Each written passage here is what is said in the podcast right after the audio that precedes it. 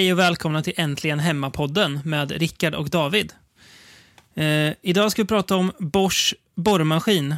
Bosch borrmaskinmodell PSR 1800 Li 2. Så här, så här låter den för den eh, ljudintresserade.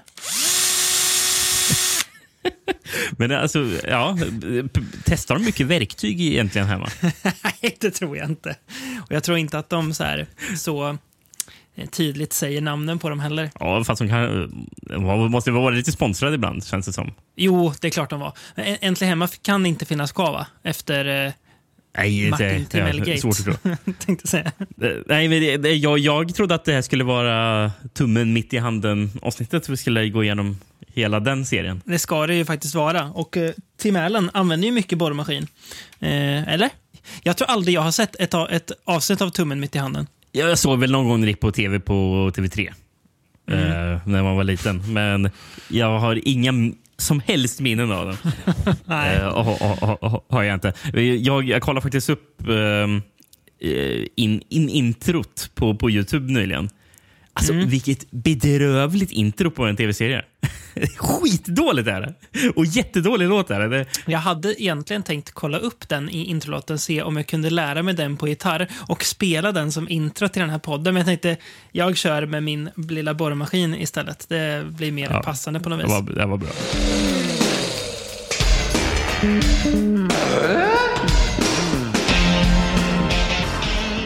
Nej, men vi ska prata om, eh, vad ska man kalla det? Verktygsskräck kan man väl säga. Om man, vi ska Ja, göra någon slags samlingsnamn på det vi ska prata om. Ehm, ja, men, det, det, men det är väl rätt så korrekt. och där förekommer ju faktiskt en borrmaskin. Vi kommer röra oss på 70, 80, 90-talet. Mm. Och 2000-talet kommer jag på. Just det, vi ska Ja. ju faktiskt ända, vi ska ju åka 30 år ungefär. Jag glömde bort den lilla sista, den lilla, lilla sista filmen där. 30 år exakt åker vi väl. Ja, exakt. Vad har du för, för relation till verktyg, Rickard? Eh, Jag är ingen eh, händig person. Eh, Man kan väl säga att jag typ har tummen mitt i handen. Mm. Jag också, skulle jag vilja säga. Det, det, det är väl det är min relation till verktyg. Här hemma så är det ofta min hustru som fixar grejerna faktiskt. Eh, Dels tror jag för att hon tycker det är kul, men också för att hon känner att det är lika bra att jag gör det så blir det ordentligt gjort. Ja. Och då är jag mest, ja, absolut, gör det, så slipper det bli något hål i väggen. Ja. Eh, ja, nej men eh, ska vi börja 1974 i eh, England, London till och med, kan vi säga att vi börjar i. Ja, ja, det, ja, det gör vi. Det är, det är London vi börjar. Eh, precis. 74. Mm. Vilken film ska vi prata om då? Vi ska prata om filmen Frightmare. Possessed by a terrible compulsion more hideous than the power of the devil. No matter how hard you try, you can never wake up from a frightmare more than a bad dream. Frightmare. Det är en bra, det är en bra titel. Ja. Man ska inte blanda ihop den med Frightmare från 1981. Exakt, som ju heter The Horror Star också, va, tror jag. Och vet du vad man inte heller ska göra? Nej, Man ska inte blanda ihop det med wrestlaren Frightmare. det var nytt för mig. Det visste jag inte. Nej, det ska man inte göra. Vad har du för eh, titlar på den här, Rickard? Jag, jag, jag har en, och det är Nightmare Farm, men det är ju en engelsk titel och det är ju inte så kul. Den stod inte med på IMDB när jag kollade. Jag tror den var med när jag läste... Jag har en Pete Walker... En bok faktiskt om Pete Walker, regissörens, hans filmer, som jag kommer ta lite från sen. Där Ja. nämner de att Nightmare Farm, ja, om det, var, det, det, det, det kan ha varit att det var, eh, vad heter det, manustiteln, alltså innan man bestämde filmens riktiga namn sen. Ja, okej. ja. Nej, för Den hade jag faktiskt inte med. Något jag har då hittat. Ska vi, jag kör, börjar med de amerikanska titlarna. Cover Up är så intetsägande. Ja. Sen har vi Once upon a Frightmare. Mm, Brainsuckers. Alltså den är ju, det är ju en frän titel, men det låter ju som en annan film. Ja det, ja, det låter inte som det här. Det, Nej. Det låter som en amerikansk exploitation-film från den tiden. Ja. Eh, och, men eh, jag, jag, jag, jag, hittade också, eh, eftersom i USA kom ju den här filmen Frightmare från 81 som, som jag sa. Jag hittade, en, jag hittade en VHS, en amerikansk VHS på just den här Frightmare från 74. Och där, trots att det kom nio år tidigare så heter den här filmen Frightmare 2. Sånt gillar man ju. Här, hur kan, ja, ja, man, man får bara go with the flow.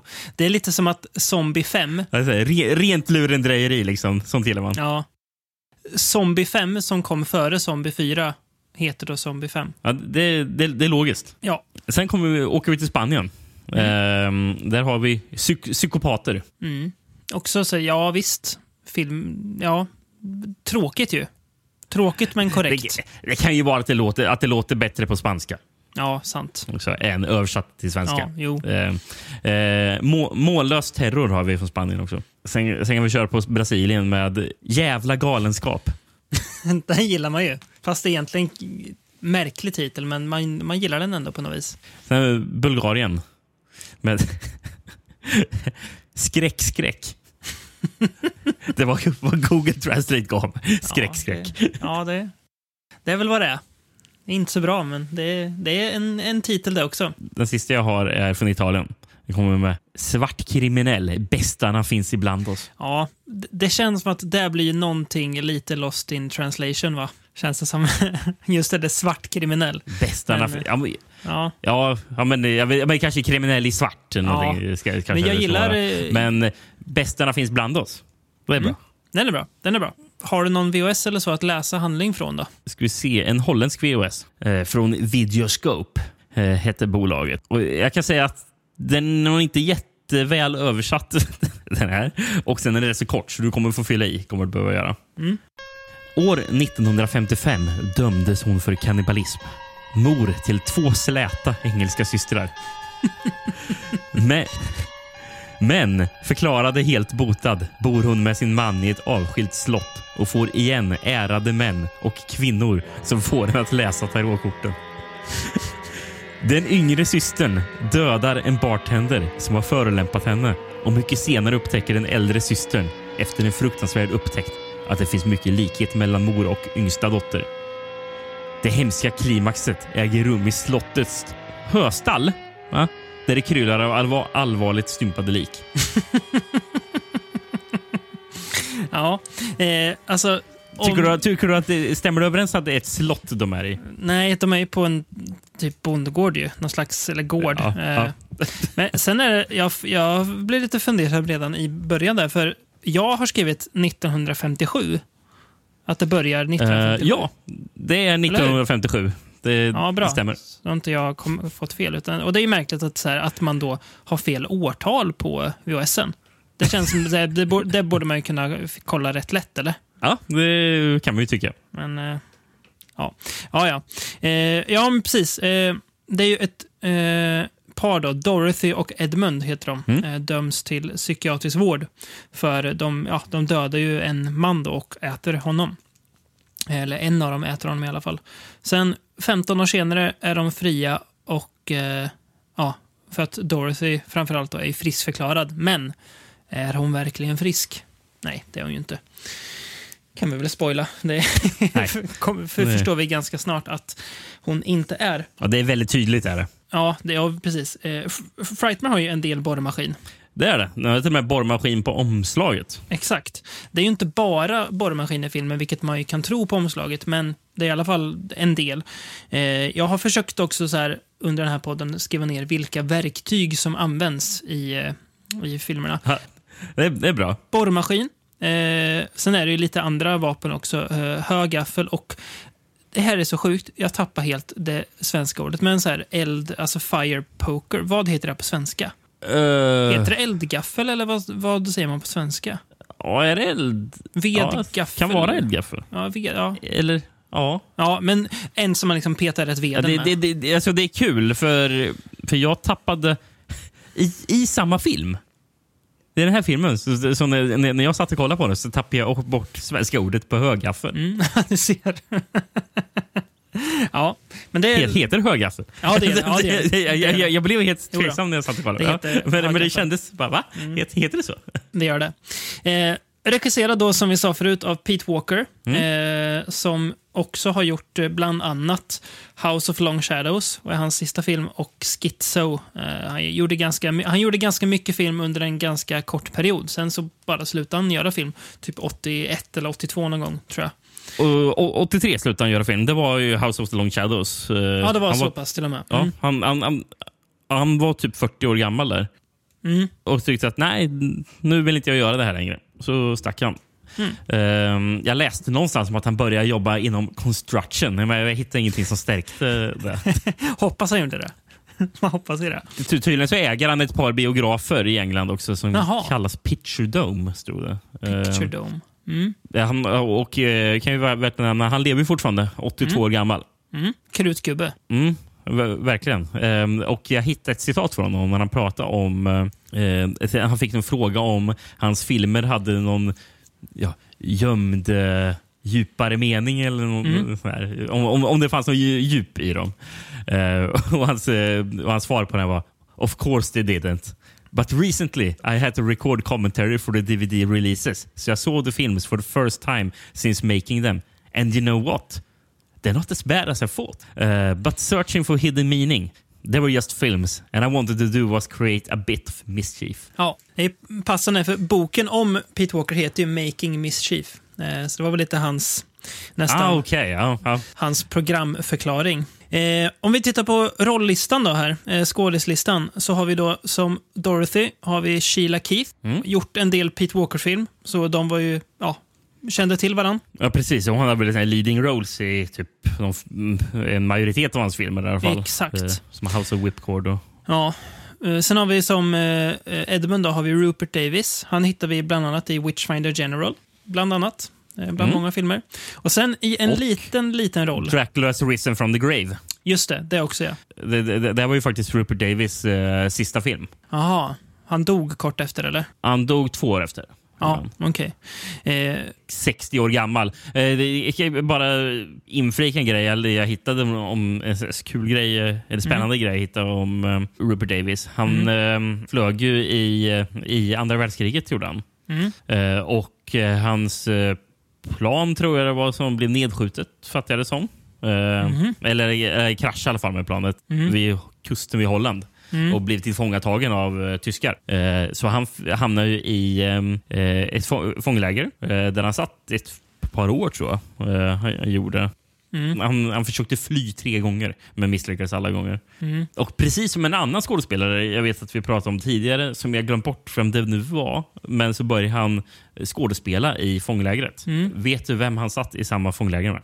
Den enda skådisen jag kommer på som var med i andra världskriget är Christopher Lee, men jag vet inte om han satt i fångläger, så att, nej, jag vet inte. Donald Pleasence. Ja, där ser man. Det var ändå lite oväntat. Kul. Ja, eller hur?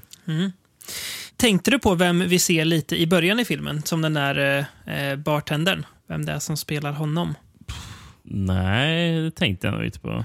Om jag säger Andrew Sachs, vad säger du då? Jag säger att det namnet uh, låter väldigt bekant. Men För det är han som spelar Manuel i Fawlty Towers. ja, ja fan, det, men det såg jag inte när jag kollade på filmen. Det, Nej. det såg jag inte. Men, Nej. ja, det- men nam, namnet kopplade direkt när du sa det nu. Ja, det är kul att han dyker upp här ändå. Eh, Ja. Långt innan hans, hans fame. Jävligt oväntat. ja, verkligen. uh, när, när kan Fawlty Towers kommit? Är det slutet på 70-talet? Då måste det varit. Va? Kom Fawlty Towers medan de fortfarande höll på med Monty Python? Det känns som att de hade slutat med det, med, Ja. med, med Flying Circus. Mm. Fawlty, Faw- Fawlty Towers. eh, 75 började de faktiskt, så bara Jaha. året efter Frightmare. Ja, då så. Ja. Ehm, vad tycker du om den här filmen då, Rickard? Frightmare.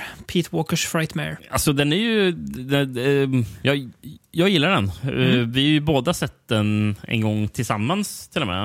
eh, Stämmer bra. För massor med år sedan. Ja. Eh, jag, min, jag minns inte så mycket, eller jag minns inte så mycket av den förutom att det här med de här två, eh, det här äldre paret som suttit på mentalsjukhus då och blev Mm. utsläppta.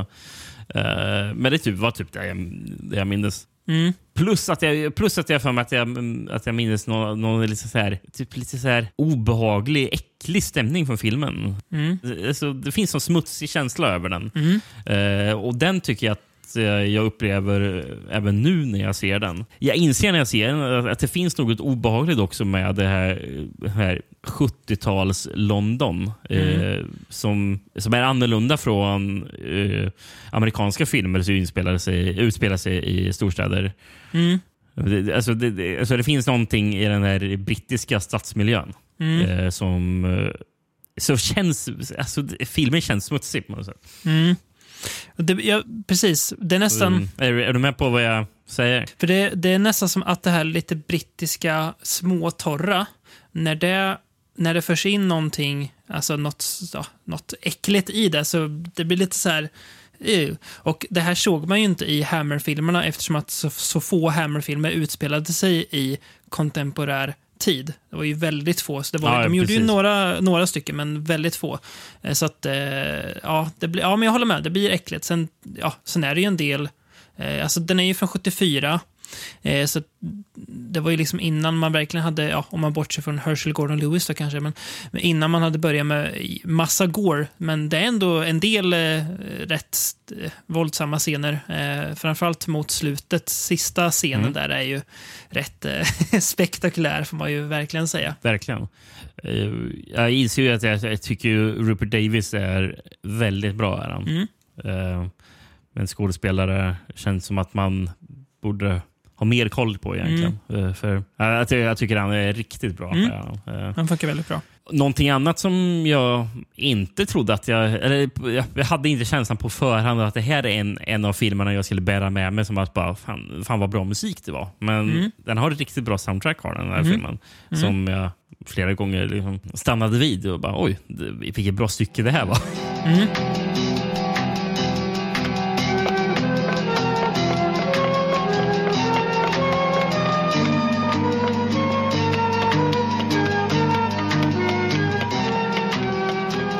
Jag, kollade upp han som har gjort musiken och det är ju en kille vi har nämnt eh, rätt så nära inpå. Ehm, eh, Stanley Myers. Han gjorde musiken till The Incubus. Ja, okej. Mm. Ja, det är ju rätt nyss ja. Ändå. Precis. eh, Och han eh, har gjort eh, musiken till flera av Pete Walker-filmer. Sen, sen hittade jag eh, att tydligen eh, så har han credits på att han spelar eh, eh, blåsinstrument på Pink Floyd-låten Corporal Clegg från 68.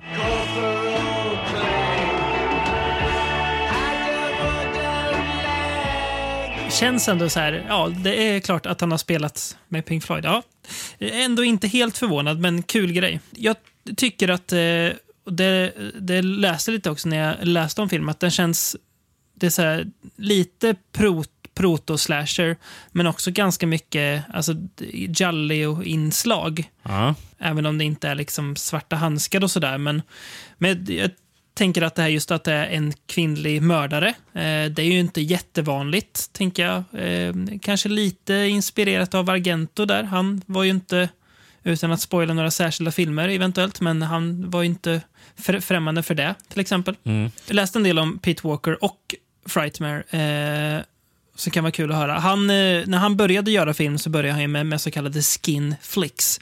Eh, och det är ju precis vad det låter som. Eh, sen började han då göra det han själv kallade för terror pictures. Eh, och anledningen till att han, eller ja, att man... ja, för han ville inte kalla det för skräck. Eh, Nej. Han ville inte kalla det för horror. Exakt. Och det var att han, i hans filmer så kommer ju inte hotet från någonting övernaturligt utan det kommer ju från typ hur, alltså samhället och hur vi människor funkar eller inte funkar i samhället. Så det var ju väldigt tydlig skillnad från Hammer-filmerna, om vi ska komma tillbaka till dem, där det var en vampyr eller en demon som var eh, antagonisten, så är det här någonting annat istället. Han fick idén till kannibalismen i Frightmare från eh, ja, den där flygkraschen som inspirerade filmen Alive. Jaså, okej. Ja, Ja. ja. Eh, och den här var ju alltså, generellt för Pete Walkers filmer, men den här också eh, inte omtyckt av kritiker eh, vid release.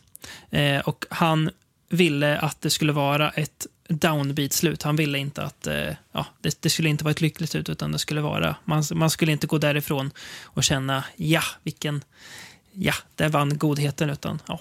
Han tänkte annat. Eh, så, eh, intressant man, verkligen, tycker jag. Eh, och intressant film på många sätt. Ja, verkligen. Det är kul att nämna med eh, Pete Walker och hans, att han börjar med nej, sexfilm. Eh, Eller skinflix. Det är väl kanske mer passande kanske namn på. Eh, För jag antar att det inte var ren pornografi. Det var snarare mer sexploitation eller något sånt. eh, Ska jag på. Till exempel, jag hittade att han dyker upp i en film som uncredited Rolls Royce driver i, i en sexkomedi. Hade den briljanta svenska titeln Den sexglade taxichauffören. Ja, det är bra. Väldigt tydligt vad man får. Ja. När du, när du gjorde din Pete Walker research, eh, eh, hittade du någonting om hans vapendragare David McGillivray som har skrivit den här filmen tillsammans med Pete Walker? Det enda jag hittade var att när eh, Walker han ville, när han skulle försöka så här, inspirera Månsvarta till en känsla så visade han noir-filmen Out of the Past för honom. Så att han skulle få lite inspiration från den. Men nej, Ja. inte i övrigt har jag inte. Jag vet att, att de jobbade ihop eh, på flera filmer, men eh, inget annat. Det enda jag har är att han i brittisk radio en gång kallades för The Truffaut of Smut. Det är briljant ju. Det vill man ju bli kallad. Det är bra det. Ja, mycket bra. Ja. Ja, I film, filmen förresten så går de ju, um, är det ju paret eh, som är typ huvudrollerna som går på dejt. Och vilken film går de och koll, tittar på? Det minns jag inte. Den här ökända filmen Brakfesten. Ja, just ja. Har du sett den? Nej, jag har inte gjort det. Nej. Eh, Nej. Men, men det är väl lite så här, jag, jag tror att Pete Walker valde den lite ironiskt också eftersom det handlar om att de äter sig själva till döds i den. Just det. Och, och, apropå fi- filmer som dyker upp i andra filmer. Den här filmen har ju, dök ju faktiskt upp i en film som eh, du hade med på din topp 10-lista förra året. Ja, det måste ju vara Sensor då, eller? Ja, det är censur den dyker upp i. Konstigt om det var An, an, antar att de sitter och censurerar den kanske. Ja. Eh, ska vi ta flyget över till Staterna och 1978? Ja, det skulle vi kunna göra. Vilken film är det vi ska prata om? The Toolbox Murders. This man is about to commit the most atrocious crimes in American history. Linda Githens, age 22. Valerie Hoffman, age 24. Mary Ann Stevens, age 21. These women have one thing in common. They are all victims of the Toolbox Murders. The Toolbox Murders. A true story. When you stop screaming, you'll start talking about it. Hette ju kort och gott och bra Verktygsmördaren på svenska. bra titel. Jag gillar den. Ja, den är bra. Den är så här, i, alltså, ibland fungerar det väldigt bra när en svensk titel bara är en rak översättning. Mm. Uh, och så att den svenska översättningen blir nästan bättre Mm. än originalet på grund av att det, det klingar så bra. Ja, det är så tydligt. Några alternativa titlar. USA. Uh, The Maniac Drill. Ja. Men är det, vadå, är borren en maniac? Ja. Ehm, Brasilien. På brottets väg. Ja, Ja. lite, den är lite otydlig. precis. Det är, ju, det är ju inte fel, men det är lite för otydligt. Frankrike. Den blodiga borren. Ja. Ja. Sen, sen italienska titeln, den undrar jag om den... eh, Jag kan misstänka att den eh, titeln kom efter en annan film. Eh, Så att, den här släpp, att, att det kommer från att den här släpptes efter en annan film. För i Italien så översätter man det så blir Los Angeles Ripper. ja, just det. Att man ville försöka casha in på Fulcis förmodade braksuccé New York Ripper. Ja, ja det Ja. låter ju... Ja. Mm. Tyskland, Mördaren med borren. Väldigt mycket fokus på borren i titlarna, tycker jag. Ja, det, är, bara borren nästan. Ja. Och det är ju liksom, I amerikanska loggan ser du en hammare istället för T. Men det är ingen som Mm. fokuserar på hammaren. Men eh, ja, ska jag ta och läsa upp eh, den svenska VHSen som jag faktiskt rotat fram? Fast det står inte verktygsmördaren på den svenska VHSen. Gör det inte. Nej, det står Toolbox Murders, Det eller? står Toolbox Murders. Ja. Är det Video Invest? Ah, svårt att se faktiskt. Ja. Står, vad står det? G, o, Odox? Odox, okej. Ja. Kan det vara ett bolag? Jag har aldrig hört talas om Odox. Men Jo, det är det. ansvarig utgivare. Jag tror det står Mikael Björk. Undrar vad han gör idag. Om någon vet det, hör, hör, hör av er till podden. Det hade varit spännande. Vad, vad gör en före detta ansvarig utgivare till The Toolbox Murders på VS? Vad gör han idag? Um, Okej, på baksidan det, det står en liten eh, tagline först som står “Mördande hantverk”. Okej, nu ska du få höra. En av de mest omtalade och kontroversiella genrefilmerna under 1980-talets stormiga censurdebatt. Mördande hantverk. The Toolbox Murders. Jaha, eh, det är en, det är en, en titel. Mördande hantverk Det är en bra titel. är fortfarande totalförbjuden i England. En man mister sin dotter i en tragisk olycka. Sorgen förvandlade honom till en rasande mördare och han skördar offer på det mest bestialiska sätt. Han är skoningslös domare, jury och bödel i en och samma person. Och det finns ingen räddning. Döden lurar i en verktygslåda. Punkt, punkt, punkt. Ja. Och Ja. sen så sista, sista stycket. En mycket stark film som inte bör ses av känsliga personer. Historien är baserad på en verklig händelse som inträffade i Kalifornien 1971. Ah, är det det? Är det Det det? är det inte. Nej. Nej. ehm, men i övrigt ganska bra baksidetext tycker jag. Eh, ändå. Eh, Det är faktiskt ett bra tagline som är på, på framsidan. Mm. Bit by bit by bit he carved a nightmare. Den är riktigt bra. Regisserad av Dennis Donnelly. Eh, och om jag har fattat rätt så har han bara gjort den här, en kortfilm och sen jättemycket tv. Ja, precis. Han har gjort väldigt mycket tv. eh, Har han regisserat. Eh, Par i hjärter. Eh, Hawaii 5-0. Charlies Änglar. Och The A-Team, för att nämna några. Mm. Ja, du, men du fastnade för Par hjärter, det gillar man ju. hör- hörde jag. Par hjärter. Låter inte som att en, en serie som har åldrats så bra kanske, om man skulle titta på den idag. Par, nej, jag, jag, jag tvivlar på Par hjärter från Mm. 70-talet. Det är jätteroligt att kolla på nu. Men ja, vem vet? Eh, nej, exakt. Eh, tittar vi på rollistan så kan vi börja med... Eh, jag, jag börjar inte med det stora namnet, utan jag, jag börjar med två, an, två andra namn. Mm. Eh, vi har eh, Pamelin Ferdin, tror jag man uttalar. Hon är med, hon har ju, henne har ju vi pratat om förut i den här podden. Eh, i, hon är med i The, The Beguiled, den där gamla Clint Eastwood-filmen, vet du. Eh, Ja. Mm. Och sen har vi en annan skådespelare, Wesley Ure, eller Ure. Han är med i... Han gjorde flera... Eh, Jor, Jure, okej. Eh, han gjorde flera filmer, men den jag fastnade för det är den här hundfilmen som heter Chomps. C-H-O-M-P-S med punk- punkter mellan. Tror att det handlar om en sån här robothund som folk blir kompis med. Jag var bara tvungen att ta den som exempel för att den, den var roligast. Eh, men eh, stjärnnamnet är ju såklart Cameron Mitchell. Eh, som ju Mm.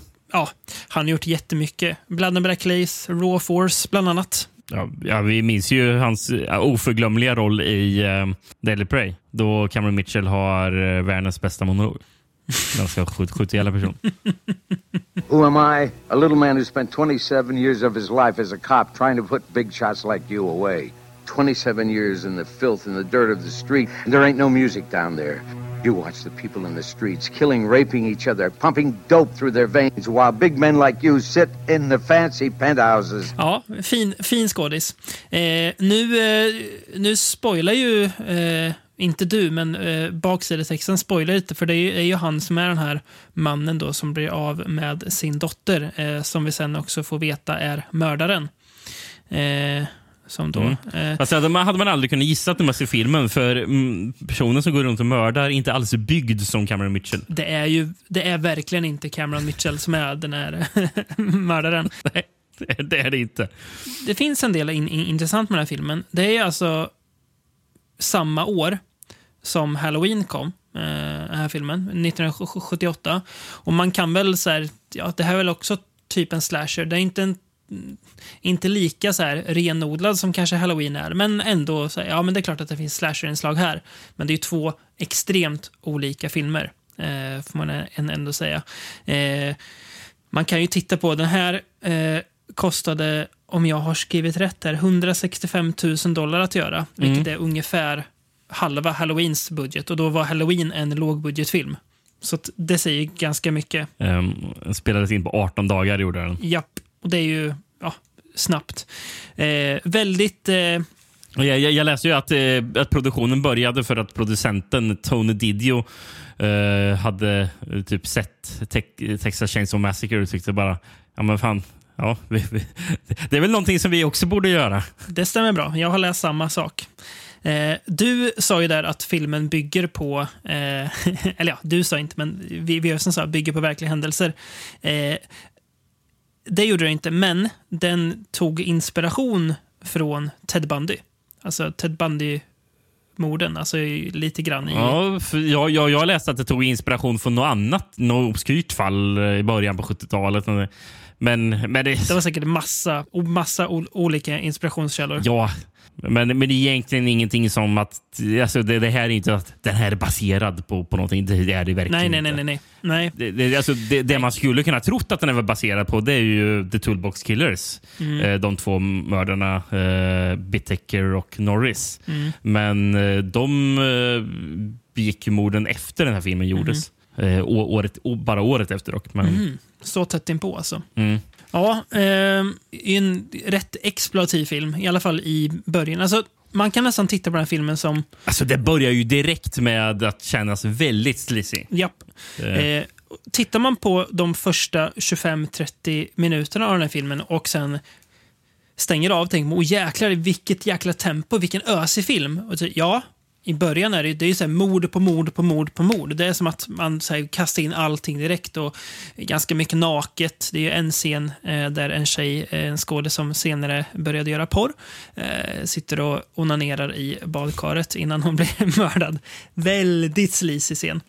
Eh, men efter de här första typ 25-30 minuterna så avtar det här helt. Och jag tror väl inte...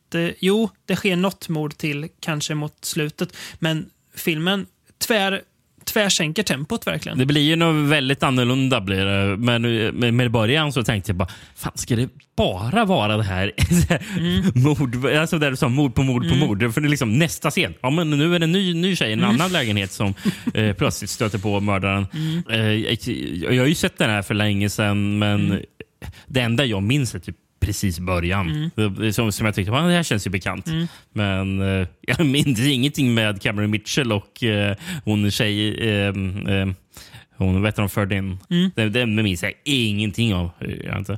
Eh, I början så känns det nästan som att, eh, jaha, ska det här vara lite Jalloaktigt med eh, mördaren i mask och handskar liksom, och borrmaskinen. Eh, det- Den har lite den känslan. Jallo-känslan försvinner ju dock direkt efter när det är nästa mord. Japp. För bara, ja, hade det varit en Jallo då hade det inte varit, då, hade det varit en Jallo så hade vi typ gått över till att det är ja, detektiven eller reportern eller någon som, fotografen som ska lösa någonting. Men, eh, det blir det ju inte här nu. Nej. Här kommer ju det efter de här första ja, morddelen av filmen. Då börjar ju eh, själva utredningsdelen. Och det är inte så mycket att vi får följa polisen, utan det är att vi får följa en kille, han, det är väl hans syrra va, som blir kidnappad och så ska han försöka ta reda på vem det är som lig, ligger bakom och ja, så nystar han i det här och försöker ta reda på vem kan ligga bakom morden och vem har kidnappat min syster. Så det är, ja, det, det, det är som att nästan det blir en annan film. Ja, ja men eh, verkligen. Ehm, jag såg att eh, han, um, han, han som, han som fotar filmen, ehm, Gary Graver. Eh, har du någon koll på honom? Han har jobbat, det, alltså det här är, henne är imponerande, den här trion. Han har jobbat med Orson Welles, Roger Corman och Fred Olen Ray. Ja, tre genier på sitt sätt. Ja, ja, pre- precis. Nej, men han, jag tror han har fotat den där F for Fake som är någon slags dokudrama eller någonting med Orson Welles. Eh, någon, en av de sista grejer. Och sen så fotar ju han eh, det som en, filmen som Orson Welles aldrig, aldrig fick se bli färdiginspelad. Eh, the other side of the wind. Den som gavs ut typ häromåret. Ja, 2018. Ja, exakt. Nej, eh, men den verkar väl rätt lurig, va? Eller? Ja, alltså det verkar ju... Alltså det finns en otroligt lång Wikipedia-sida som kan rekom rekommendera att man går in och läser. För det är fascinerande att läsa om det. Men eh, kort sagt, produktionen började f- för filmen 1971. Uh, Orson Welles dog 1985 och filmen var ändå inte klar. Uh, och sen, så blev, sen släpptes filmen ja, 2018 till slut. Uh, men, alltså, men, men när man kollar på Wikipedia-sidan är att ehm, produktion startar, produktion pausar, produktion startar, produktion pausar. Och, ja, nu, och nu är det pengastrul. Nu, nu är det annat som strular och det, ja, det verkar riktigt rörigt. Spännande att läsa om. Eh, men, men, han, men han är Gary Graver. Förutom att få fota Orson Welles där och jobbat med Corman så han, han uh, har fotat den där slashen Twisted Nightmare. Den har vi pratat om någon gång. Ja. Ja, för väldigt länge sedan. Ja. Men, eh, och sen så har han ju faktiskt regisserat en film som vi inte alls gillade, som, men som vi pratat om. Trick or Treats. Just det. Den där sega, sega, sega, sega slashern ja. Mm. Ja, just det. Mm. Och förutom och att, att jobba med de här personerna och göra, ja, fota och regissera lite skräck så, här, så har han också skrivit och regisserat en hejdundrans massa eh, porr. På typ 70 och 80-talet. Eh, jag, jag, jag, jag, jag tyckte läsa att det var upp mot 100 filmer eller någonting inom det också. Så han har jobbat med lite allt möjligt den här killen. Ja, en härlig karriär ändå. Man säga. Någon som annars också jobbat med rätt så mycket eh, olika grejer, det är hon Pamela Ferdin. Hon hade gjort, eh, som du nämnde, The Beguiled eh, nå- några år tidigare. Sen var ju även med i den där skräckfilmen The Mephisto Waltz. Och sen var hon känd för att ha ja, varit barnskådis i rätt så mycket tv också. Men intressant. Hon var ju tilltänkt att spela Reagan i Exorcisten. Men eh, sen var det typ casting eh, ja, folket som bestämde sig för att de ville ha ett, en person som inte var lika känd. Och då valde de Linda Blair.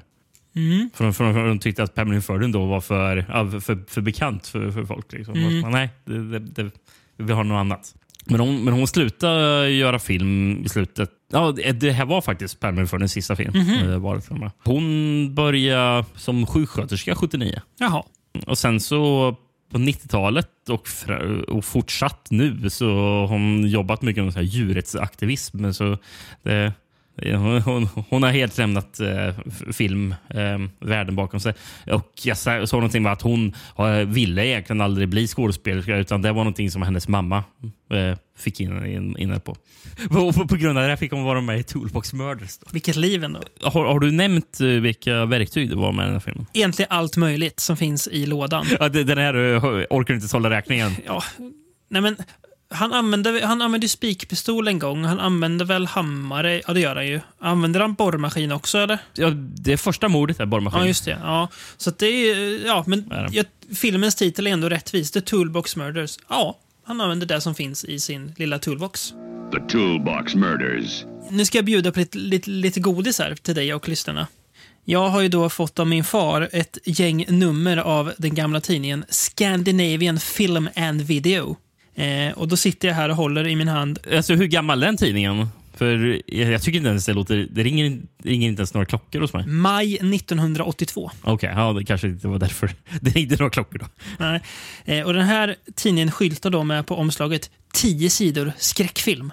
Oj. Då är man ju spänd. Jag, jag ser att det står Clint Eastwood på baksidan på tidningen. Ja, för en handfull, för en handfull dollar gör de reklam för då.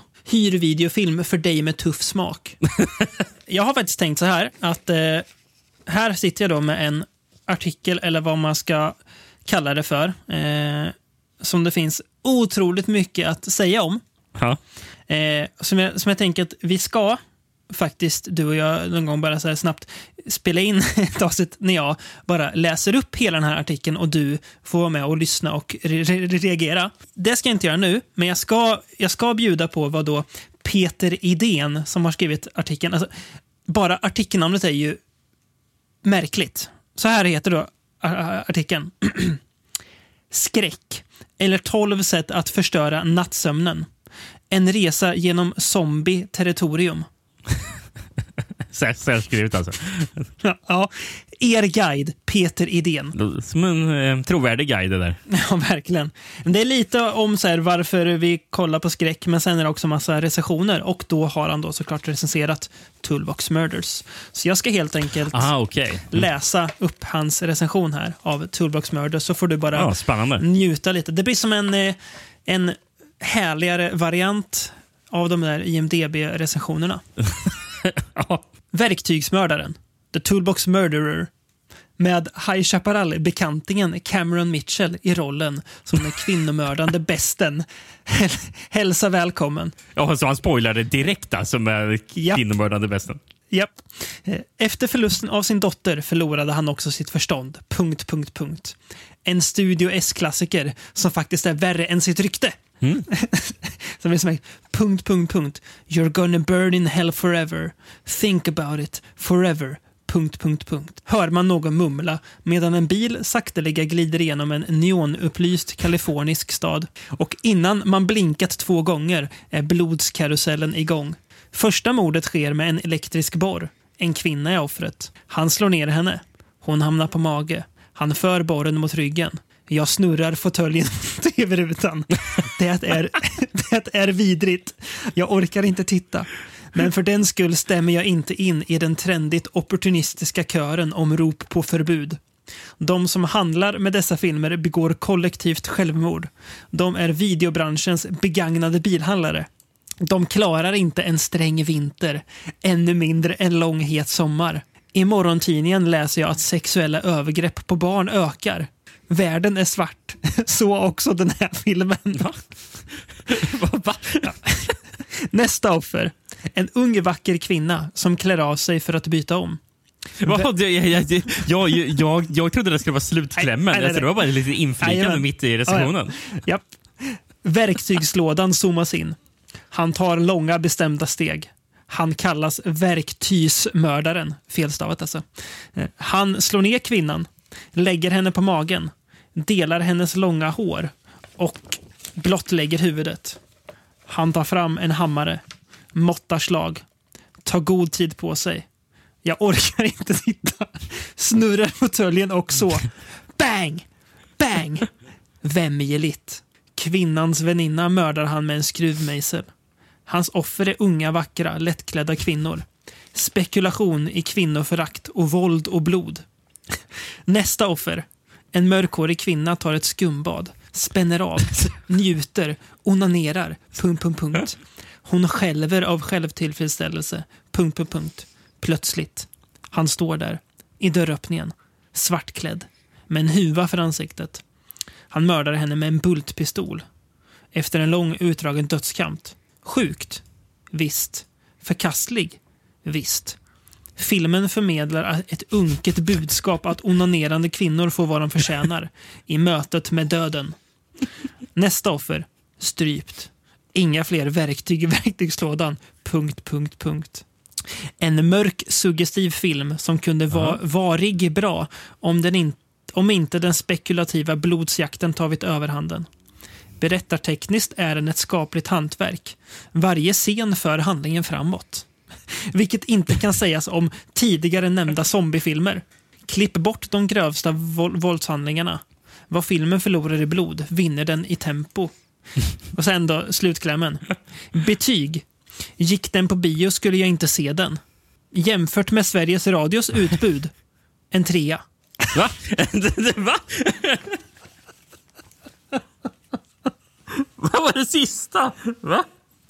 Ja, han gillar inte vad Sveriges Radio har att e- e- erbjuda. Det låter ju verkligen som att han så här, han, han säger å ena sidan, ja, jag ska inte moralisera, men det är ju det enda han gör i hela texten. ja, precis. Det är verkligen fram och tillbaka på det. det, det vad heter han? Peter Idén? Peter Idén. Jag ska försöka kolla upp Peter Idén så jag kan hitta honom. Ja, för det, det vill jag ju också veta vem det är. Mm. Ungefär lika mycket som jag vill veta vem eh, ansvariga utgivaren eh, Mikael? Björk. Mikael Björk på eh, Toolbox Murder. Ja, vi får kolla det upp vill det jag där. också veta vem det är. Ja. ja, men det var ett väldigt bra inslag. Där. Det om det. Eh, alltså, den blandar och ger lite Toolbox Murders kan jag känna. Ja, jag tycker den trampar lite vatten. Mm. Eh, alltså, alltså dels på att de- här inledande så här, mordscenerna alltså, de blir ju inte så effektfulla när de bara travas på varandra. Nej. Eh, det blir ju... Jaha, ska, vi- ska vi få se det här igen? Mm. Det, vad, vad är syftet med det? här, Liksom? Eh, Men, eh, men sen tycker jag också att allt det här med Cameron Mitchell jag tycker också det blir lite saligt. Eh, Alltså, jag tycker inte det heller Nej, jag håller med. le- leder någon vart. Nej. Tycker jag inte. Nej, det blir rätt eh, alltså, segt kan man säga. Men den har en viss charm eh, i det här lite sunkiga, nedgångna som ändå gör att, ja, men ja, det är en, en film som lever mycket på sitt namn och att den kom i rätt tid, känns det som. Ja. Mer än att det är bra. Ja, verkligen. Eh, ska vi ge oss in i 80-talet eller? Ja, till något helt annat. Ja, 1982. Eh, vi åker till Boston. Nej, jag menar vi åker till Spanien. Som vill, Till Madrid. Som vill vi. vara Boston. Eh, vi ska såklart pr prata om The One, The Only Pieces. Warning. What you will see in the movie Pieces cannot be revealed. cannot be described, cannot even be imagined. And you don't have to go to Texas for a chainsaw massacre. Pieces. It's exactly what you think it is. Pieces. Absolutely no one under 17 will be admitted. En riktig klassiker kan man säga. Det måste man ju ändå säga. Eh, det, här, det här är ju nästan så här... Det här gör ju vi aldrig, men det är nästan så här, har man inte sett Pieces så är det nästan så här en uppmaning att pausa podden nu, se Pieces, kom tillbaka. Och då kan man ju rekommendera ehm, Arrows utgåva av den, Japp. som ja, bjuder på en hel del Ja, den är eh, klockren. material. Ja. Pieces. Um, taglinen, jag såg på den. You don't have to go to Texas for a chainsaw massacre. Jättebra tagline ju. Originaltiteln eh, på spanska då, den översätts till Tusen rop har natten. Den gillar jag. Ja, den är bra. En riktigt bra titel. Japp. Även fast jag inte tycker den speglar filmens innehåll. Egentligen typ vad filmen är för någonting så fungerar Pieces mycket bättre. Ja, För Pieces känns bara, ja det, det låter som att det är en slasher. japp. Jag håller med. Men det, Det, det låter inte tusen rop av natten. det finns något lite poetiskt vackert i Tusen rop har natten som kanske inte filmen riktigt Mm. matchar. Men eh, ja, en bra, bra titel. Jag, Mm. jag, jag läste att, att filmen också, jag vet inte om det i manusstadie, hette Jigsaw. Eller om det är en AKA-titel. Kanske. Ja. Jag, jag, om det inte jag sett. Nej, inte, det, men ja, det, var det på, det var säkert på manusstadiet. Då. Har du några andra alternativa titlar? Ja, Br Brasilien, motorsågens skräck. ja. ja. Och Japan, blod, delar, djävulens motorsåg. ja. Ja. man vet ju aldrig med de japanska Nej. översättningar för de, de, de går ju sällan att översätta rakt av, men eh, det blir alltid väldigt roligt. Um, sen kanadensisk fransk titel. Pieces, motorsågssadisten. ja. Den är ju väldigt sann. Ja. En, en, en titel som inte är sann, det är, det är den franska titeln. Som låter som att det är från en helt annan film. Kobrans rop. Ja, nej. Det är ju... Så vad har du att säga om den? Ja, jag vet inte vad det låter som. Något, något helt annat verkligen i alla fall. Kobrans rop, det låter som att det ska... Det låter nästan som en eh, slags eh, paranoia-thriller från 70-talet. Ja, sant. Gör det. Mm. Eh, och sist, och även det som jag har hittat som en kortfattad VHS om, eh, från Holland. Chainsaw Devil. Ja. Eh, den här är knapp, den här beskrivningen kan jag säga. Eh, men den lyder. 35 år efter den våldsamma döden av en ung kvinna hittades stympade kroppar. Eller hittas stympade kroppar på ett college, på en college webbplats. Va? Jag tror inte det ska vara stå webbplats. Ehm, ja. Varje kropp är en makaber pussel. Och upp till polisen är uppgiften här pussel att lösa. ja. Vill du att jag fyller på lite? Eller? Ja, det vill jag verkligen att du ska göra. Eh, Filmen utspelar sig då i Boston och den börjar då 1942 när en liten pojke lägger ett pussel eh, som har motivet av en naken kvinna. Eh, när hans mor upptäcker honom. Eh, hon hotar med att bränna upp pusslet eh, och då blir ungen arg och slaktar sin mamma eh, och styckar henne. Eh, dock åker han inte fast för det. yxa. Ja, exakt. Eh, han låtsas att det är någon som har kommit in och bara mm, mördat henne och kommer undan. Sen, om jag fattar rätt så är det ju inte 35 Ja, år han senare. säger att det var en stor man Ja, som exakt. kom in där. Eh, det är ju inte 35 år senare, utan det är 40 år senare eh, som filmen utspelar sig. För jag tror, jag Ja, tror att den ska utspela sig 82.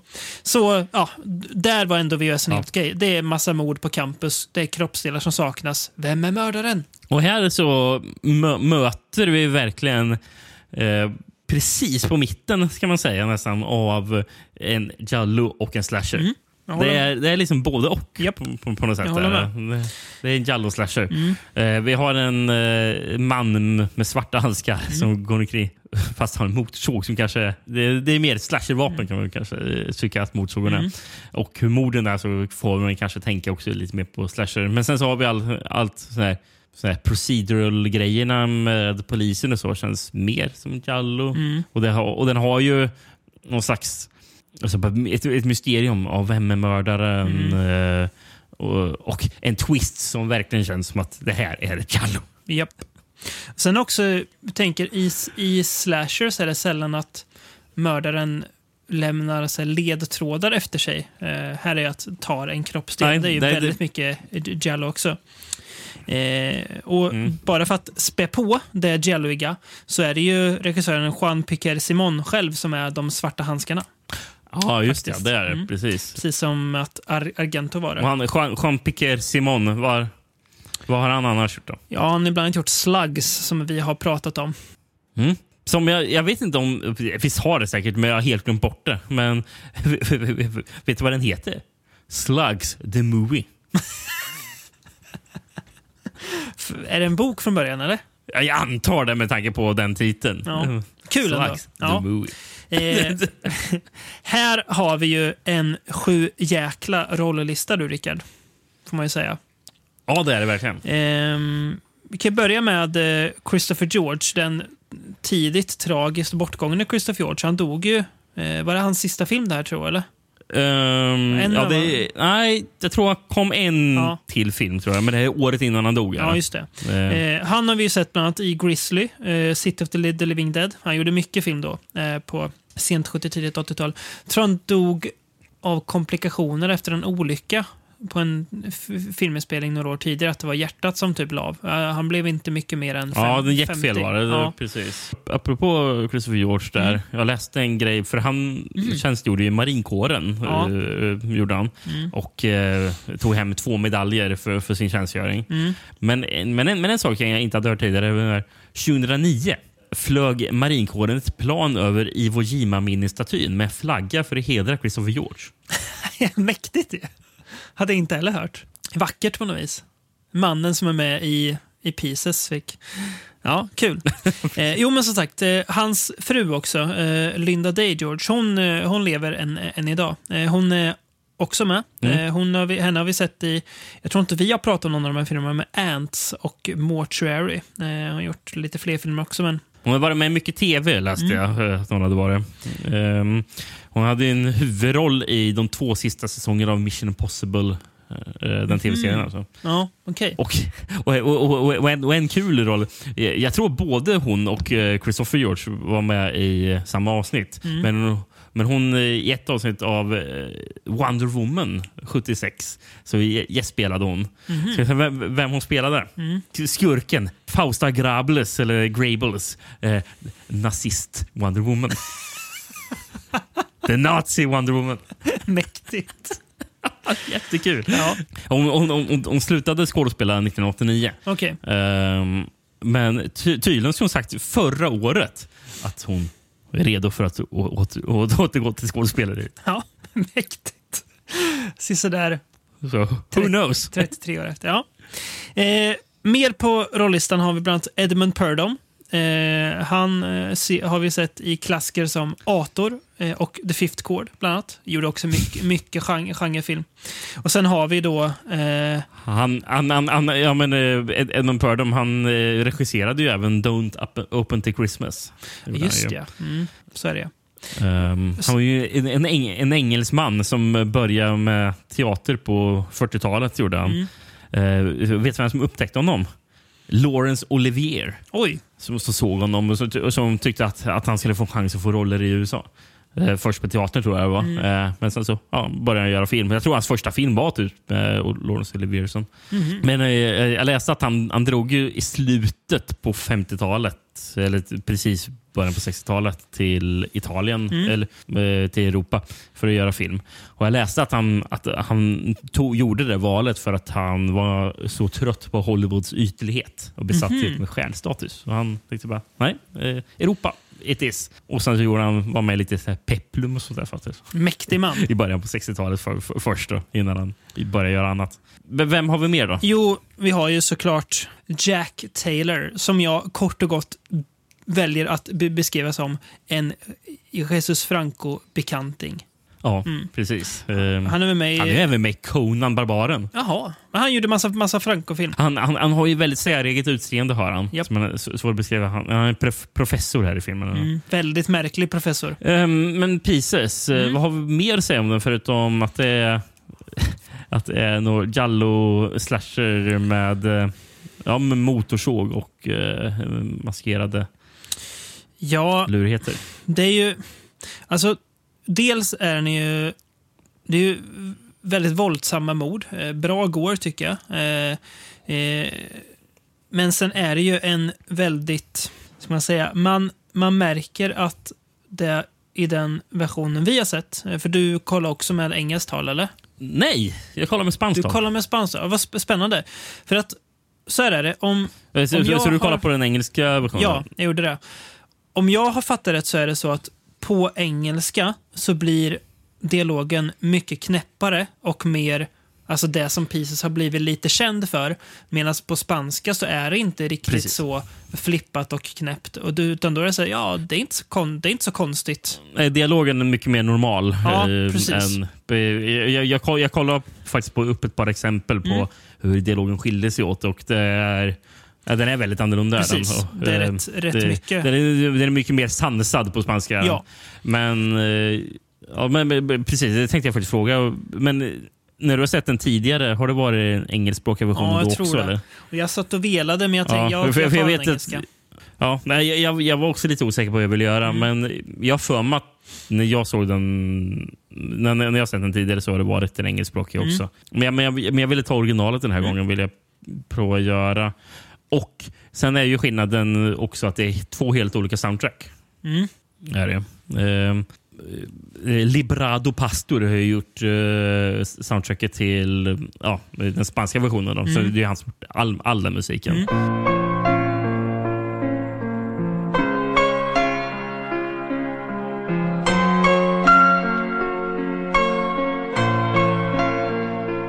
Men den internationella versionen så har de ju tagit musik från massor med olika filmer Mm. och slängt in. Men det är Stelvio Cipriani bland annat, va? Ja. Sen då Carlo Maria Cordio, Fabio Frizzi. Ja, det är bland annat. De var i alla fall smarta. De tog inte såna här välkända stycken från stora, stora, eller såna stora italienska filmer. Gjorde de inte. Eh, jag kollade upp några alltså, filmerna som de har tagit musik från. Det är, heter det? Ring of Darkness av Pie, Pierre Carpi. Det ringer ingen klocka. Nej. Eh, Seven Dangerous Women av Pedro Lasaga. Nej. Säger mig inte heller någonting. Taxi Girl av Michel Massimo Tarantini. Nej. Nej. Och, och den, ja, den enda jag kände igen de titlarna som stod det är ju Absurd av Joe Amato har de tagit musik från. Just det. Ja, alltså grejen med den amerikanska dialogen, eller den engelska, det är att man märker då så tydligt att det är en film som man verkligen försöker klä som att nästan som att den vore ju, alltså en amerikansk produktion. Eh, dels ska det ut, Ja. ut, ut, ut, i Boston och det är, om jag har förstått det rätt, alltså där ser inte Boston ut ens i närheten. Eh, sen är det så, Nej. Alltså, saker som, som, folk, som folk säger så är det så här att så här säger nog am, am, amerikaner, så vi, vi kör på det. Ja, så det pratar ju ingen människa, så att nej. Så att det, blir väldigt, det blir väldigt off, vilket ju också såklart bidrar till en viss underhållningsfaktor. Men eh, Mm. Alltså grejen är, tycker jag med Pieces som man kanske någonstans glömmer bort i det här att oh, Pieces, den är, den, den är så frän och kul, vilket den också är. Men det att det är, alltså tittar man bara hantverksmässigt, den är, den är, det är ju snyggt filmad. Det är, finns ju en, en scen, ett, ett vattensänksmord som är riktigt alltså, visuellt snyggt gjort, som skulle kunna vara Mm. Alltså en giallo av någon av de så större Ja, regissörerna. men, eh, så att, ja, men precis. Men alltså, den levererar ju på alla de punkterna. Det gör den ju. Men, men samtidigt är det ju, som man också får, ändå, ändå får säga om den, det är ju att den är ju också helt vansinnig. ja. Den, I vissa aspekter. Den. ja, det, där den. är ju, den går ju off the rails ibland. Gör den. Eh, speciellt i slutet. Det är bara, vad fan är det som händer? Slutscenen är ju helt Eh, vansinnig. Ja, precis. Det, det är verkligen. Vi har ju också en jättekonstig scen som man, man måste nämna i filmen. Jag Den vet, kommer från mm, ingenstans. jag vet vilken du menar. Eh, eh, när de är ute på kvällen i, ute på campus och det kommer en karatekille som börjar slåss. Från ingenstans. Han, Mm. han, i- alltså, det här är typ en timme in i filmen. Så bara, vad, vad är det för någon person? Mm. så, så, den börjar som köra, boxas med dem. Och sen så eh, får- han stryk, eller hur händer det? Han landar på rygg? På rygg Mm. Ja, eller? exakt. Precis. Ja. Och, och, här har jag exempel på där dialogen skiljer sig. För, för i originalet så säger han någonting om att han bara Ja, jag, oj, jag, jag ber om ursäkt. Jag, jag, jag var ute och jogga. Jag måste ta misstag på att... För han trodde typ att det var någon som attackerade någon. Eller? Mm. Bra Eh, fråga. Ja, så, så, så, så är det, bara, det är bara sådär liksom, kort. Men eh, eng- engelska då. Så, Oh, hey, it's my kung fu professor. What's the story, Chow? Oh, I am out jogging, and next thing I know, I am on ground. Something I eat. Bad chop suey. So long. Take it easy. Bad Chop Suey, det är inte med i spanska. Liksom. Jäklar, det är så, det är så konstigt. Är det. Han, han spelas väl av eh, ja, Bruce Le, eller är det Bruce Lee? Nej, Bruce Le. Bruce Le, ja just det. LE, precis. Ja. Ehm, en, en av flera såna här Hongkong-skådespelare som eh, var någorlunda lik Bruce Lee. Som att man tyckte nu, nu ska vi ja, ja, göra kopior på Bruce Lee-filmer. där han är med. Ehm, så han var, jag tror han är med i Clones of Bruce Lee. tror jag att eh, eh, Bruce Lee är med. Han heter egentligen Wang Qinlung. Så, ja. Men det, får in mig på eh, en väldigt rolig figur. För jag tror anledningen till att han ens är med det är på grund av producenten till den här filmen. Och Den producenten heter Dick Randall. Han, han verkar vara en väldigt spännande typ, den här Dick Randall. På 60-talet tror jag det var han drog på sig en massa skulder efter två misslyckade Broadway-pjäser han hade producerat. Vad, vad, vad, gör man då? Jo, man drar till Italien och börjar producera film där. Så bland annat eh, producerade han eh, The French Sex Murders och eh, The Girl in Room 2A. Sen så, men men han, han nöjde sig inte med Italien. För han reste runt eh, i världen och producerade filmer lite överallt. Så i Thailand producerar han krokodilfilmen Crocodile. I Filippinerna, eh, han som producerat For your height only. Oj, Och till Hongkong drog han ju då och producerade The Clones of Bruce Lee. just det. Bland annat. Ja. Jag tror det är helt och hållet därför han... Ja, du, det, det kan vara att han till och med gjorde någon av de här Bruce, Clones of Bruce Lee-filmerna i Rom. Och då passar de på. Och därför var han Bruce, Bruce Lee där nära. Jag tror det. det. För det var inte så långt att ta honom från Rom till Madrid. Ehm, om, jag, om jag fattar det rätt, eh, det som står där. Så. Mm. Ja, och, och därför bara skrev de in den- den, den scenen i filmen Mm. trots att det inte alls fanns med från början. Just det. Eh, lite annan eh, bakgrundsinfo om filmen. Jean Picard Simon, eh, han blev först erbjuden att regissera en Last House on the Left 2. Det är ju inget som har kommit så det blev ju aldrig av, men det vill han inte göra. Eh, så han, han, han tog sig an denna istället. Eh, tog 15 dagar att skriva manus, eh, ganska snabbt. Det ryktas om Jag För- såg, du, jag, jag såg, du hade rätt. Han, han fick ett eh, 30 sidors treatment som Mm. kallades Jigsaw. Ja, det var så. Ja, just det. Och sen så skrev han, skrev han klart det sen. Liksom. Mm. Det ryktas att, men det, det finns dock inga källor som bekräftar det, men jag måste lyfta det för att ryktet är kul. En av pseudonymerna till manuset, J- eh, John Shadow. Vet du vem som ryktades vara John Shadow? Ja. Joe D'Amato.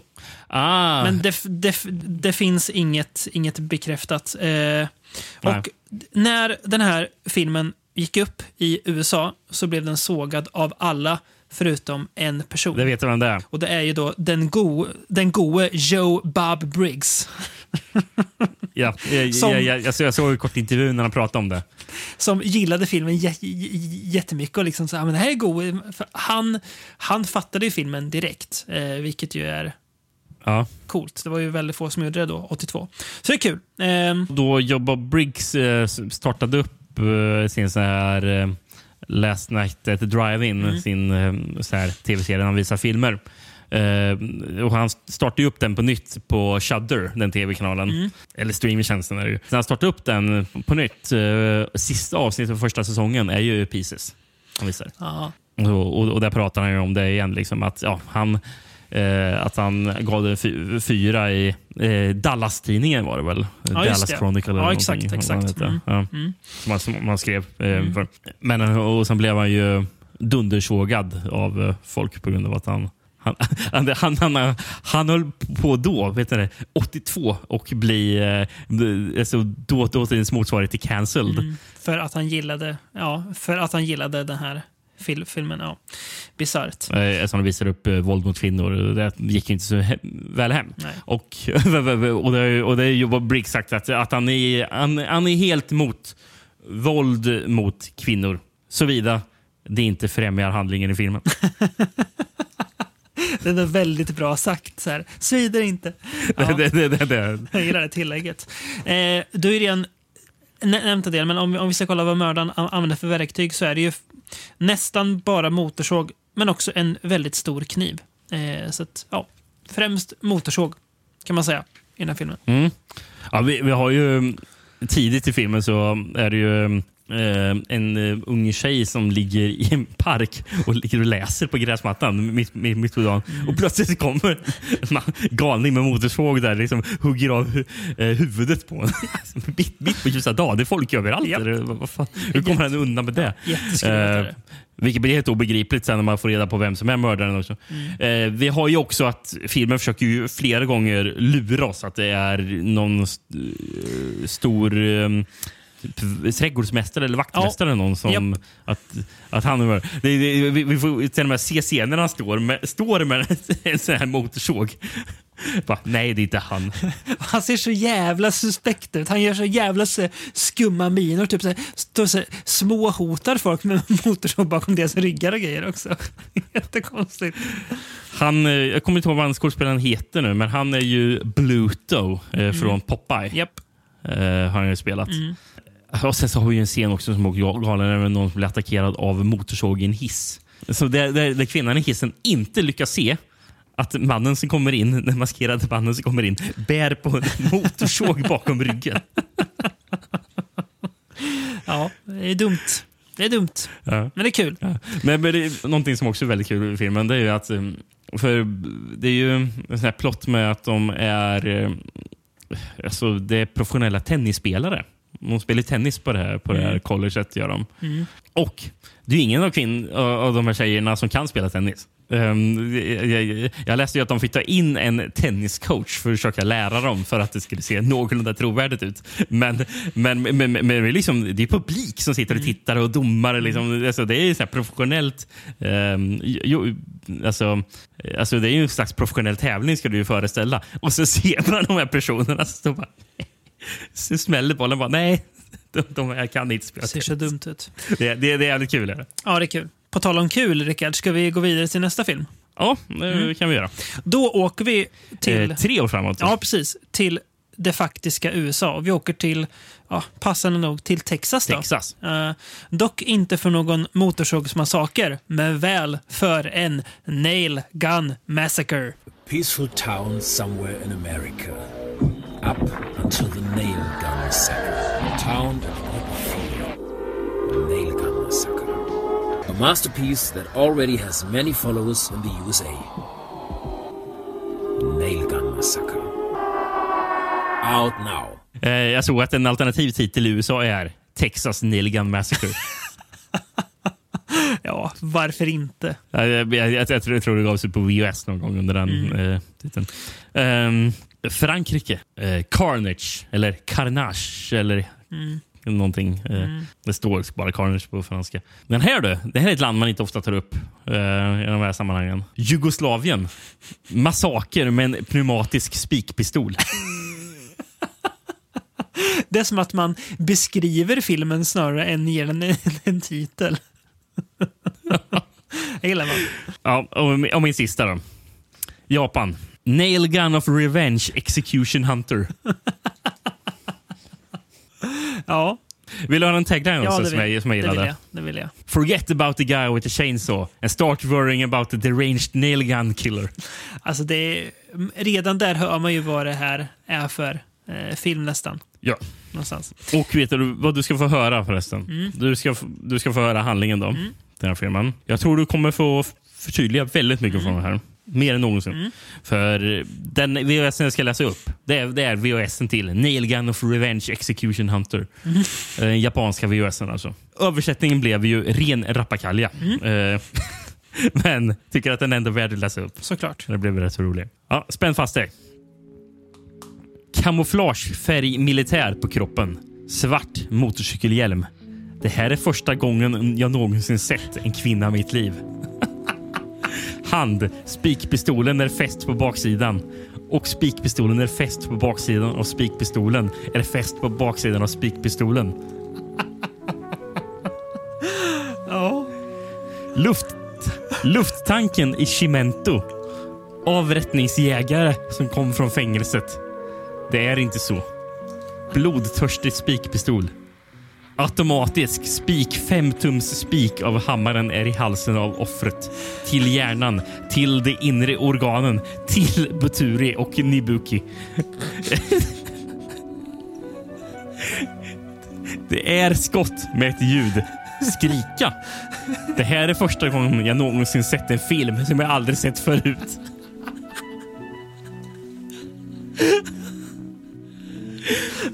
Åh herregud. Det var det, det, var det, ja, det- var jag- det jag konstigaste klar. jag hört. Nej, du är inte klar? Nej. Jag, jag är inte klar. En konstig, kontinuerlig kornman som täcker ögonen. Problemet, arbete, av chocken för att locka skärmen. Det är spikpistolen i denna liknelse. Execution Hunter. En mystisk jakt som inträffar i staden, skogsområden. Konstigt seriemordfall. På kropparna kvar. Naglar sköt med en spikpistol. Jag kommer inte att kunna göra det, sa han. Eh, polis. Först kallade polisen händelsen en bizarr mordhandling. Lämnar och såg. Men alla offren, staden. Han var medlem i företagets tillverkningsföretag. Detta baksidan av mordet var en våldtäkt som hände för några år sedan. IV-incidenten. Styggelsen av staden. Det var första gången jag hade kunnat göra det. Och nu rädsla. Efterklangens eld ska skäras och släppas. Den lugna staden är färgad med blod. Vad sa du? Efterklangets eld ska skäras och släppas. Ja, Det är, det stämmer. det är ju ett citat du måste spara som vi kan bä- bära med oss för alltid. Ja, det där var det... Ja, Jag, jag, gillar, jag gillar den här. Det här det är första gången jag någonsin sett, sett en film som jag aldrig sett förut. ja. Alltså, alltså, alltså när man läser upp den här helt poäng, meningslösa grejerna som man läser upp. Det, bara, det, det låter väldigt poetiskt. Gör det. ja det gör det. Det blir någon sån så här postmodernistisk... Postmodernistisk haiku-dikt låter som att jag håller på läser upp här. Ja, gud. Ja, jag kan ta och fylla i lite grann. Eh, det är ju handling och handling. Men, jo, men det, det, Det är, inte, det är inte mycket handling Nej, egentligen. men det finns väl lite. Men filmen börjar med den där våldtäkten som de nämnde då. En kvinna som våldtas av en grupp män vid en byggarbetsplats. Sen så, vi förstår att något slags tidshopp gör men vi vet inte hur långt. Eh, men när tidshoppet är gjort så är det en maskerad figur i kamouflagekläder med en hjälm och som går runt då med en spikpistol eh, och mördar folk. Eh, ja. Och polisen söker efter den skyldiga. Det är liksom det. Det är verkligen en nail gun massacre. Eh, Filmen eh, börjar ju omedelbart. Jag, eh, det är nästan som att aldrig varit med om en film börjar så omedelbart som den här. Eh, det är inga introtexter eller någonting. Utan från sekund ett, när man står på den, så är, det, är de ute i ett gäng män, på typ fem män, som är ute i ett grusgrop Mm. och ska våldta en kvinna. Alltså, det är direkt. Alltså, hon är redan på backen Mm. när filmen börjar. Pang på. Det är, ja, det, det blev, ja, det, man blev chock, chockad hur filmen startade. Eh, regi har vi faktiskt intressant nog två stycken. Eh, Bill Leslie och Terry Lofton. Eh, har de Mm. gjort många fler filmer? Nej, de har väl bara gjort den här, eh, vad jag har Ja. sett. Eh, Ja, jag tyckte det såg ut som att han Terry Lofton har gjort någon kortfilm också, men det var väl det. Eh, Terry Lofton ska tydligen ha jobbat som stuntman på Dukes of Hazzard på 80-talet. Det är hans, Det hans claim to fame. Eh, sen har vi... Ja, det var det jag hade dem då. Jag har alltså egentligen så här, så här, vilka skådespelare ska jag plocka ut? Men jag, jag plockade ut några. Eh, vi har Ron... Det var så många som fanns att slå Nej, ut. det gör inte det. Vi kan ta två intetsägande först. Ron Queen och Bo Leland. De har bara gjort den här. Men sen kommer det intressant. Och Då är det en skådespelare som heter Michelle Mayer. Eh, och det är inte så in, intressant egentligen vad hon har Mm. Det är, gjort. hon, det är hon som spelar Li- Linda, den här kvinnan som blir våld, Exakt. våldtagen. Den som, film, det som filmen börjar med. Exakt. Jag vet inte om det här stämmer, men enligt Letterboxd, om man går in på Michelle Meyer då, så har hon skrivit en film. Det är, det är så märkligt att jag bara undrar om det är fel i länkningen, men jag tar ändå upp filmen för att det här, det här är så suspekt. Jag antar att det är en fransk film från 99 som heter La Pousse, La Pousse, Pousse, P-U-C-E. Jag vet inte hur det ut, uttalas. Eh, en, Okej, ja. en kortfilm på 40 minuter. Och jag tänkte, jaha, okej, vad är det som är så, så suspekt med den då? Jo, jag ska läsa upp handlingen. Jag läser på engelska för jag or- orkar inte översätta. Marion is a 14 year old girl on holidays at the sea. She is in conflict with her mother and family. She meets a man there to whom she feels close. Back in Paris, she goes to see him again. For the first time, she's going to make love. Och kollar man skådislistan på den här filmen så skiljer det då, och då utgår jag från vad det skiljer mellan, mellan skådisarna, så skiljer det 24 år mellan skådisarna. Så ska vi bokstavligen ta att hon är 14, så ska mannen alltså vara 38.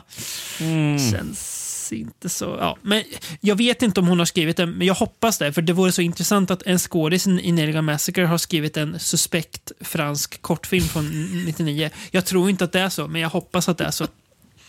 Ändå. Ja, vi får hålla tummarna att det är Ja. så. Verkligen. Eh, den här filmen då, Rickard? Den här filmen känns... Alltså, den, den har en väldigt så här, shot on video-känsla över sig. Men den är inte... Men jag tror inte den är shot on video. Nej, men det ser ut som det. Ehm, Men den känns Ja. det. Ja. Och, och det känns som det Ja. på grund av skådespeleriet och liksom hur den är filmad. Japp. Den är... även ska jag säga ljud, eh, alltså ljudmixen är ju bitvis fruktansvärd i den här filmen. En, eller ja, Ja, det verkligen. är ju ingen, det är Eh, det är ingen ljudmix. det låter som. Man har ju, man har ju bara låtit ljudet vara. Precis. Vi har ju en, vi har ju en scen som, som är filmens eh, absolut roligaste scen, tycker jag.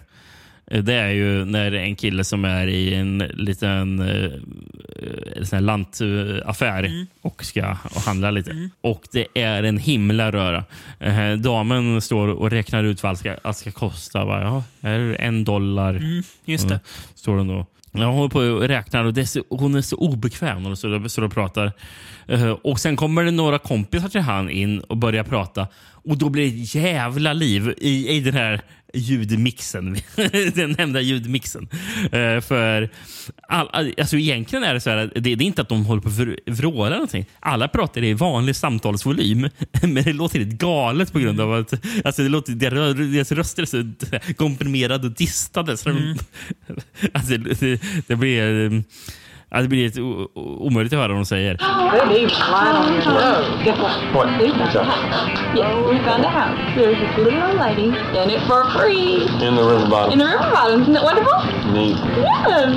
And you Oh, you don't believe in anything, do you? Can't you just believe that this lady wants to do something nice for us? That would be. Men, och sen den här damen, hon säger. Do you remember when you could sit outside and not worry about the mosquitoes and the killers? Ja, alltså det är ju... Vi, vi, vi ska nästan prata om... Börja nästan, nästan prata om ljudet i, den- i den här filmen. För att det är någonting... Ja, jag, jag, jag skulle kunna säga en till grej bara om den här scenen först. Ja, då, gör det, gör det, gör det. För hon som spelar den där... eh, hon som står, stå, står i kassan. Mm. Eh, hon... det- den skådespelaren som egentligen var anlitad, eh, den, det, hon, hon dök inte upp. Så då fick Terry Lofton, den ena regissören, ringa in sin mormor. Ehm, Ja. Ja, som, som, var, som, som, som, var, som var den riktiga personen också som jobbade där i kassan i affären. Mm. Så, och uh, uh, hur skulle hon läsa upp den här dialogen då? Jo, det, det läser hon upp från en, från en lapp som ligger på kassadisken som vi som åskådare ser. Såklart hon gör. För den ligger fullt synligt, lappen. Ja. Jag, jag tänkte inte på det faktiskt när jag kollade på filmen. Nej. Det var någonting jag ehm, eh, såg efteråt. Men, eh, för, för, för jag såg lappen när jag kollade på filmen. Men jag trodde att lappen skulle föreställa ett kvitto hon stod och kollade Mm. på. Så det var ändå lite, det lurade mig lite där. Men ja, det, det, det är lappen med all dialog. och eh, efter, efter, efter filmen hade getts ut, hon skämdes ju jättemycket för den här filmen. För hon insåg att det var så mycket sex i den. Ja, det är inte, inte lätt att ställa upp när ens, ens, ens barnbarn behöver en, ett kassabiträde till sin film. I bet you ain't never seen butterfly, wild butterflies in these parts. Eh, men ljudet i den här filmen. Eh, alltså, dels, inte vart jag ska börja. Jag kan börja med soundtracket. I den inledande våldtäktsscenen så är det jättemärkligt musikval. Det är nästan lite så här småglad musik. Ja, men det, det är så i många scener. Ja, och så- det är här- väldigt det märkligt, märkligt val av musik. Är det. Eh, och jag, jag, jag tycker att hela soundtracket ofta är så bara så här jättekonstigt. Men jag tycker att på något vis så blir det att, jag ska inte säga att det är ett bra soundtrack, det vore att ta i, men på något vis så passar det hela den här filmens så här, skeva stämning som blir. Det, det är, är, är som att ljudet Mm. i sig, dels soundtracket men också ljud, ljud i mixen, nu gör så här citattecken. Eh, och det man tänker mest på är ju såklart mördaren när den pratar. Eh, det är svårt att höra vad mördaren säger eh, för att det är en jäkla dundereffekt som är lagd på rösten. Så här, massa reverb och eko, och jättemärkligt. Och, och efter varje mord så går mördaren runt och skrattar jättelänge och så här, jättemärkliga skratt. Och, så- jättebisarrt är det.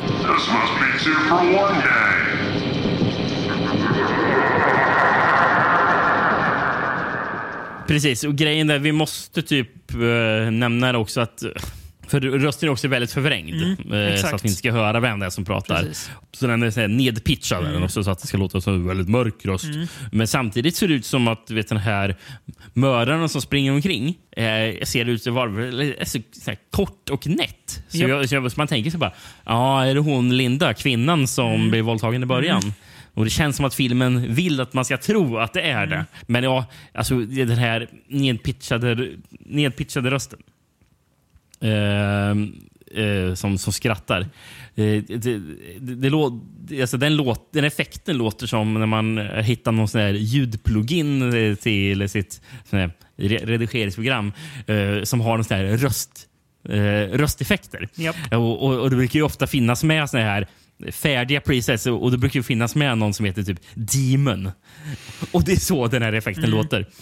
Kan inte du skratta lite snabbt så ska jag se om jag kan återskapa den effekten på dig nu?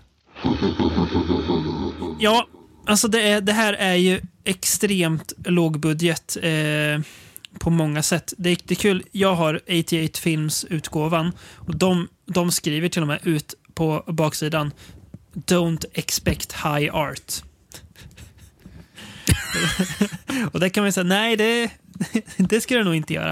Eh, Nej, det gör man inte.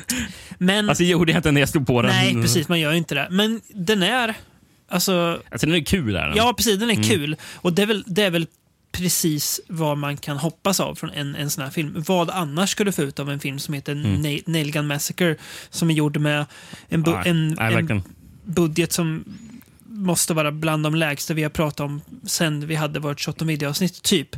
Eh, måste vara extremt låg bud- budget. Ja, jag läser ju för övrigt, jag vet inte om det här stämmer, jag hoppas att det, att det stämmer. Jo, men det är, han, han den ena regissören, Terry Lofton, ska ha sagt det, eh, att originalmanuset var 80 sidor långt.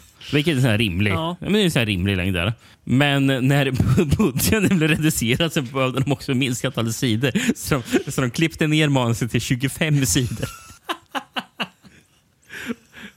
Och brukar man inte säga att på, alltså på ett ungefär så är, så är väl en, en manussida motsvarar en minut speltid? Japp. Filmen är väl är den 1.25 tror jag va? Så att, eh, det är ungefär en, Ja, det är väl det. en timme.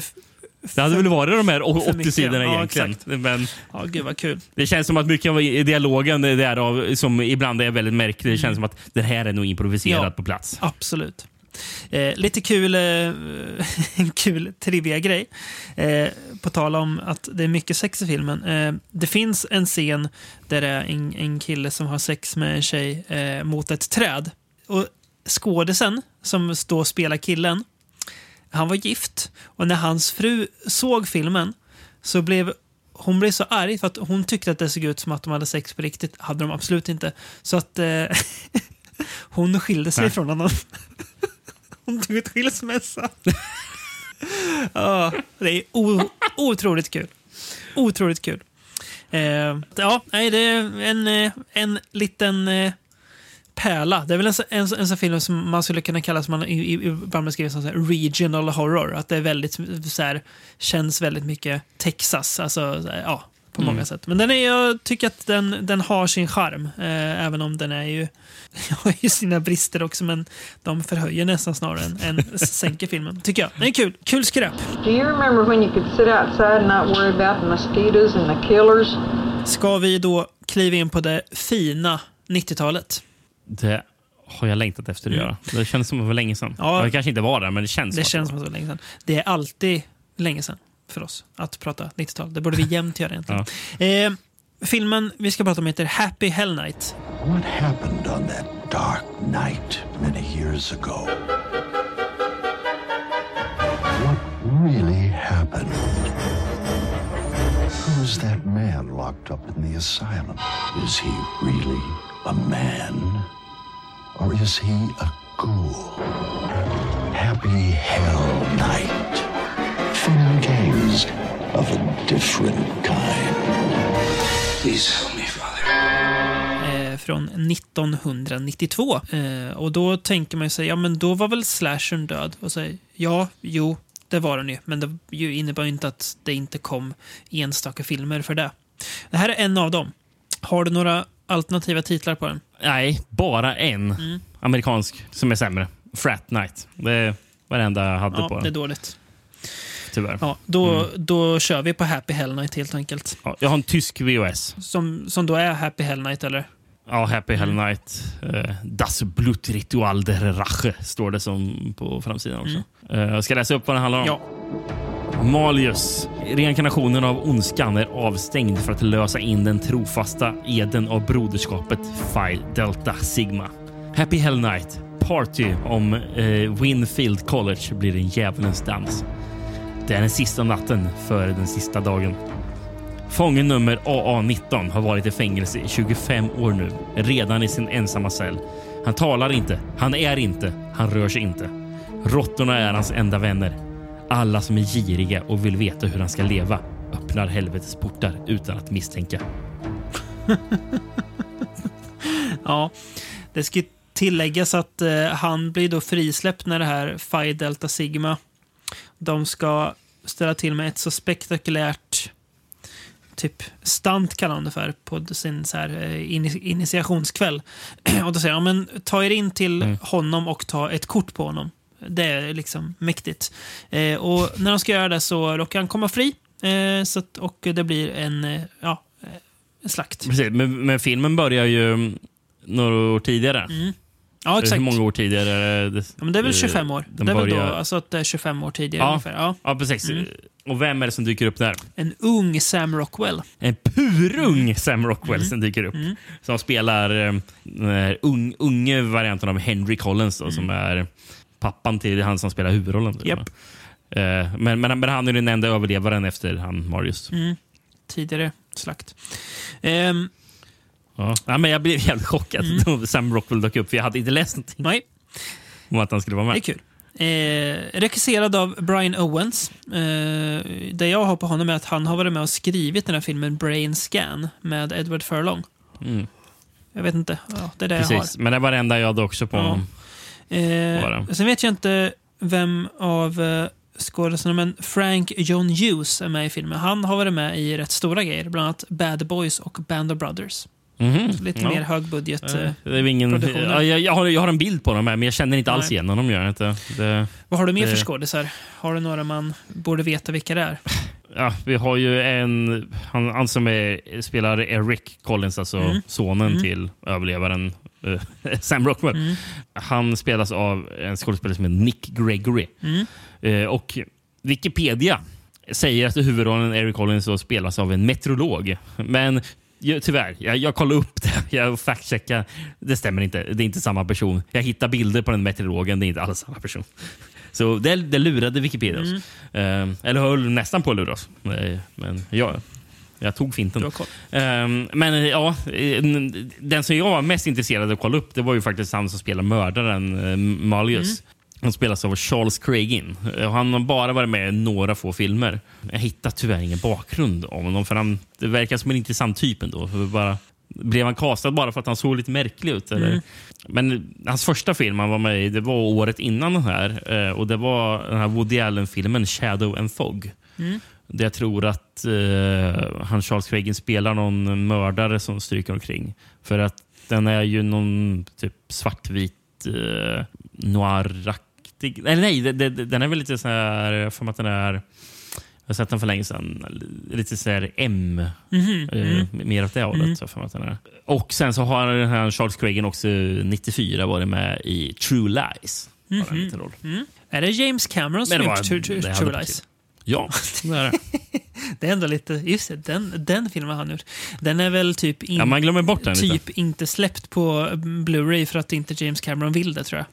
Det, det, det, var- jag tror det är rätt många som faktiskt gillar True Lies Mm. också, Men jag vet att jag någon gång försökte se den, men jag fastnade aldrig riktigt. Jag blandade också ihop den med Den sista actionhjälten, Mm. eh, så det är lite svårt att hålla reda på. Också en sån film som jag aldrig fastnade för när jag Nej. såg den när jag var yngre. Jag är ju lite så grundskeptisk någonstans. Men, ja, slasher från 92. Mm, hur, hur spännande kan det vara? Även om vi gillar 90-talet så vet vi också om dess eh, skavanker. Och en av 90-talets styrkor innan Scream ska sägas då var väl inte slasherfilm kanske. Eh, men eh, det här är en rätt tre, alltså, trevlig liten rulle. Eh, jag, Ja. jag Jag, jag, blev, jag blev positivt överraskad av Mm. den här. Blev jag. kompetent hantverk. Jag tycker att Malius är ganska frän mördare. Han ser ju som du sa ett speciellt utseende. Han ser ju rätt otäck Han ut. ser jävligt äcklig ut hur han är sminkad i den här. ehm, han, han, är ju typ, han är ju skallig, han är typ tanig, skallig, har nästan typ svarta ögon har han. Eh, och sen pratar han jättekonstigt gör han. Har väl någon sån här ljus röst Mm. som låter som att den inte passar Nej. honom. Det, det känns som att det kanske, han kanske är överdubbad också. Mm. För att Kan vara så. effekten. Eh, Eh, Men eh, nå- någonting också blir väldigt överraskad av att den är jävligt våldsam. Eller? oväntat våldsam. För att vara från 92. Måste Mm, sägas. oväntat våldsam, Mm. precis. Mm, precis. Eh, ja, jag, jag blev väldigt överraskad av det. Det är inte så jättemycket verktyg. Nej, det är ju inte riktigt det. Eh, Men när jag, när, jag, när jag valde filmer till avsnittet så, så, så, så såg jag någon bild. Va? Mm. Ja, men han har ju hammare. Ja, Mm. Absolut verktyg. Och ja, han har ju faktiskt hammare, så det är ju lite verktyg. Mm. Jo. Eh, Det tycker jag, det ja, tycker jag absolut. passar in. Om inte annat så är Det räcker, det räcker gott och ja, väl. kul att få in, in den här filmen som kanske är svår att så här, få in annars. Jag tycker dels så här, de, för det är ju väldigt, han Malius är ju inte en vanlig människa utan han är ju, ja, det är ju någonting övernaturligt med honom får vi veta. Och de grejerna Mm. gillar jag att man gör det till en så här typ, alltså man får in det också. Sen tycker jag det är charmigt att se just det här hur, alltså den här filmen så tydligt ser man precis när 80-talet går in. Det är verkligen så ett tvärsnitt när 80-talet blir 90-tal. Det är liksom verkligen här det blir det. För att det finns lite så spår av, av så här 80-tal, men det ser fortfarande, det ser också väldigt 90-tal ut på många sätt. Men också, Mm. ja. Ja. Så att, eh, Ja, men eh, alltså, de här tidiga 90-talet, eller precis vid det där Mm. skiftet där, så de har en väldigt speciell look. Så som sena 90-talets filmer inte så just. Men det, det, det är något med fotot. Jag, jag, jag, att jag tror vi har nämnt det flera gånger, men jag tänker särskilt, speciellt på Hellraiser 3. Mm. Ser ut så också. Gör den. Eh, och eh, det gör även Children of the Corn 3. Det, Mm. De har något tidigt 90-tals skräckfoto som jag gillar. Det, det, det, är, det är någonting som jag har lite svårt att pinpointa egentligen. Mm. Vad är det som gör det? Eh, Det skulle vara intressant med de som kanske har koll Mm. på mer sådana filmfoto som skulle kunna förklara. Jo, men det är på grund av att de, de filmer of, fi- filmades ofta med den här kameran. Mm. Eller, någonting. eller med den, ja, med, eller med, med den här typen av liksom, eh, eh, filmrullar. Ja. Mm. Nej, men jag håller, jag håller med dig. Men, eh, Eh, det är någonting där. en, eh, en look man gillar i alla, i alla fall. Eh, jag, vet, Ja. jag vet inte. Ja, det är eh, Den- en, en charmig liten sen, Mm. sen liksom entry i slasher-follan. Precis. Som för övrigt också är filmad i Toronto i Kanada. Den, Så det är ingen amerikansk film. Mm. Nej. Utan det, det som är, jag blev särskilt eh, glad över att se, eh, Mm. för det var lite annorlunda. Eh, det är en, faktiskt en samproduktion mellan Kanada och Jugoslavien. Det var oväntat ändå. Eh, sen är det, den, den finansierades från ett jugoslaviskt filmproduktionsbolag som heter pa, Pavlina Limited. Mm. Alltså de fick även in några så här jugoslaviska skådespelare. Eh, prästen eh, spelas till exempel av jugoslaven Janes Vrover. Eh, som på eh, 60-talet var med i Umberto Lenzi-filmen The Triumph of Robin Hood.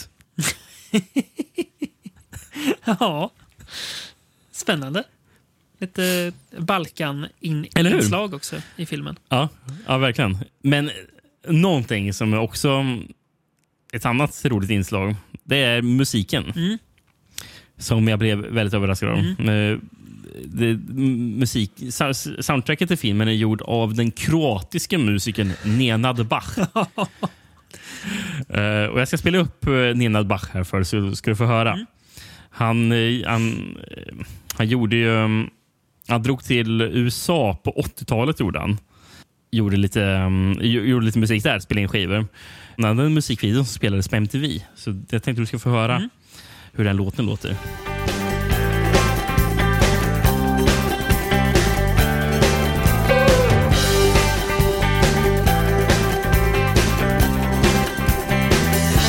She said,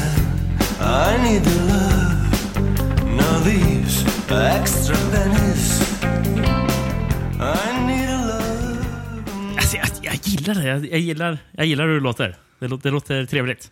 Ja, men det var, Ja, men, det var charmig. You need a love gillar man ju att han heter också.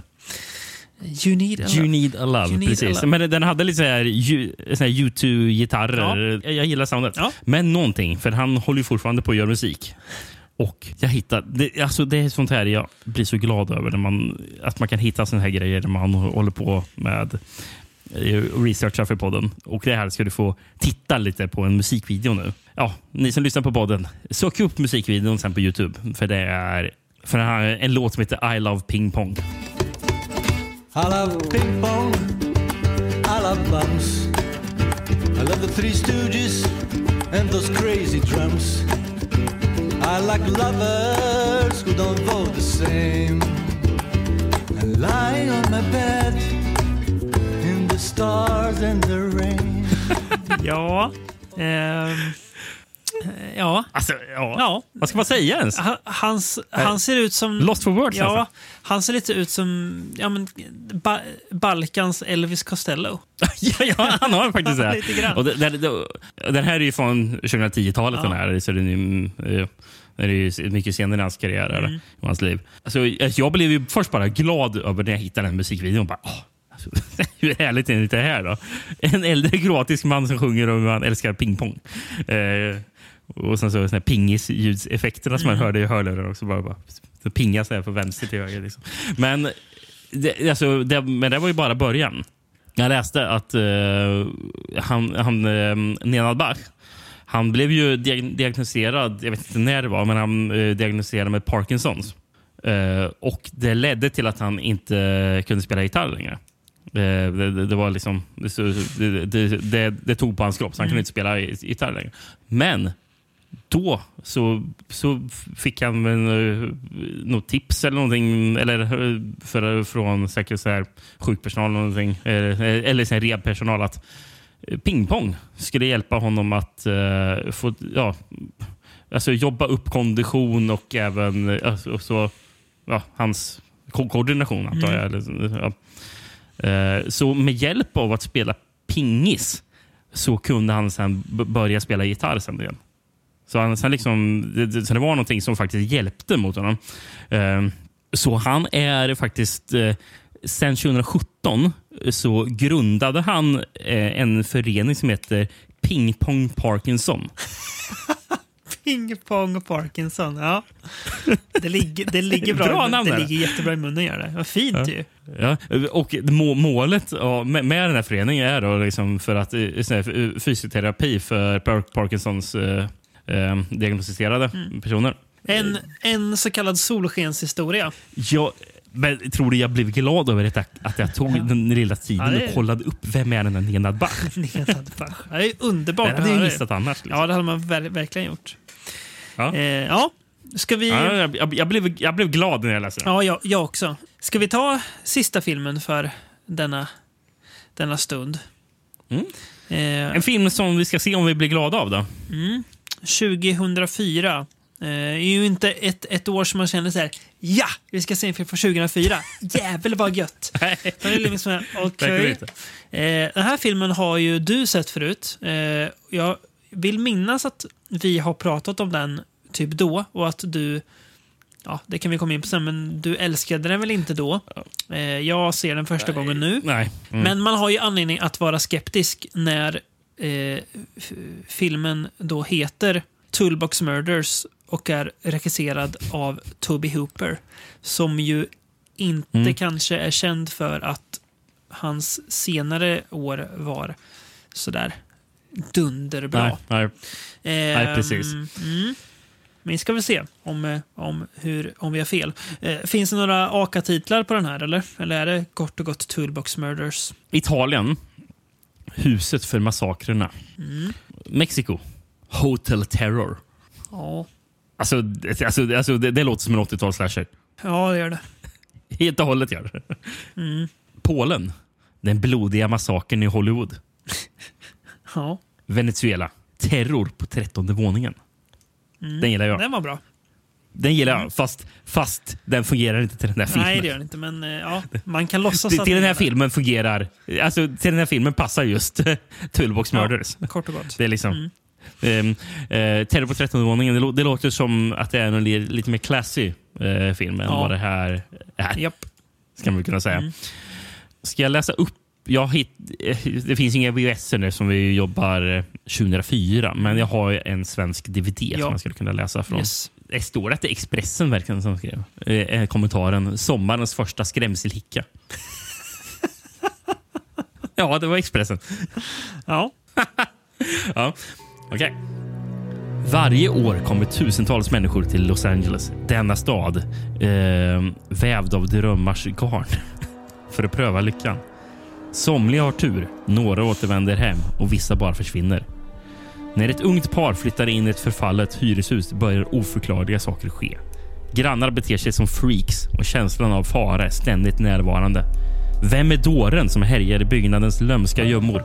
Hur lyckas han ta sig in till de låsta lägenheterna? Den chockerande sanningen är bortom gränsen för dina värsta mardrömmar. Försöker se om jag kan fylla på med något. Nej, men det låter väl rätt rimligt ändå. Ja, Mm. Man tänker så här rent spontant när man tar sig an den här filmen att okej, okay, Toby Hooper har gjort en trött remake av gamla Toolbox Murders. Ehm, och det kan man ju tro en liten bit in i filmen att det är en, modernisering av eh, den gamla filmen. Mm. Men det dröjer inte jättelänge när man förstår att det här är ju det här är ju alltså, ja, det är väl en remake, men det är ju väldigt olikt det gamla. Man har ju inte liksom bara försökt göra om samma grej igen, utan det här är ju någonting alltså, i mångt och mycket helt annat faktiskt. Eh, ja, eh, ja det är det. som jag tycker, ja, eh, vi ska komma in på det. Börja, alltså, jag är lite orolig i början. Eh, vet du varför jag är orolig? Jag är väldigt orolig i början. Vet du varför jag är orolig i början? Vet du vad det första som oroar mig? Det är egentligen två saker, men Ja, men det, jag tror delvis är det för att det är Sherman Zombie. Ja, Sherman Zombie spelar första offret, men redan innan det, typsnitt i, Aha, okej. typsnitt i för, förtexterna Ja, ja, ja. skriker fan. Ja, det, det tänkte jag det här, det här, här kommer bli en åktur du sent ska glömma. Ja, och, och, och det där hemskt. Ja, för det är ju någon illgrön text där som Ja. står med en sån här... Det ser ut som att man har hittat någon häftig font i Photoshop Mm. som man nästan gett lite 3D-effekt också. Så att ja, det ser otroligt daterat Ja, ut. Eh, så- är ju faktiskt hela eftertexterna också. Mm. med den här gröna fonten. Nej, eh, precis. Det där var ju direkt... Mm. V- Var det något mer som du tänkte på som du blev orolig av också? alltså det, det var väl bara ett okej, filmen ser väldigt mycket ut att, att vara gjord 2004. Jag, jag, jag får nästan lite i början så här, den, den påminner lite om, eh, på ett sätt, ska se om jag får rätt. Children of the Corn 7 är det väl när hon flyttar in i något höghus där det bor lite barn som är konstiga. Alltså just det här att filmen... Är det sjuan det? Ja, jag tror Ja. det är det. Att filmen utspelar sig verkligen bara Mm. i, det här, i den här byggnaden och nästan som att så fort du går in i byggnaden så är du körd. Alltså, men det här är ju, en, ska sägas, en mycket bättre film än vad Children of the Corn 7 är. Eh, blir jag glad över att det var.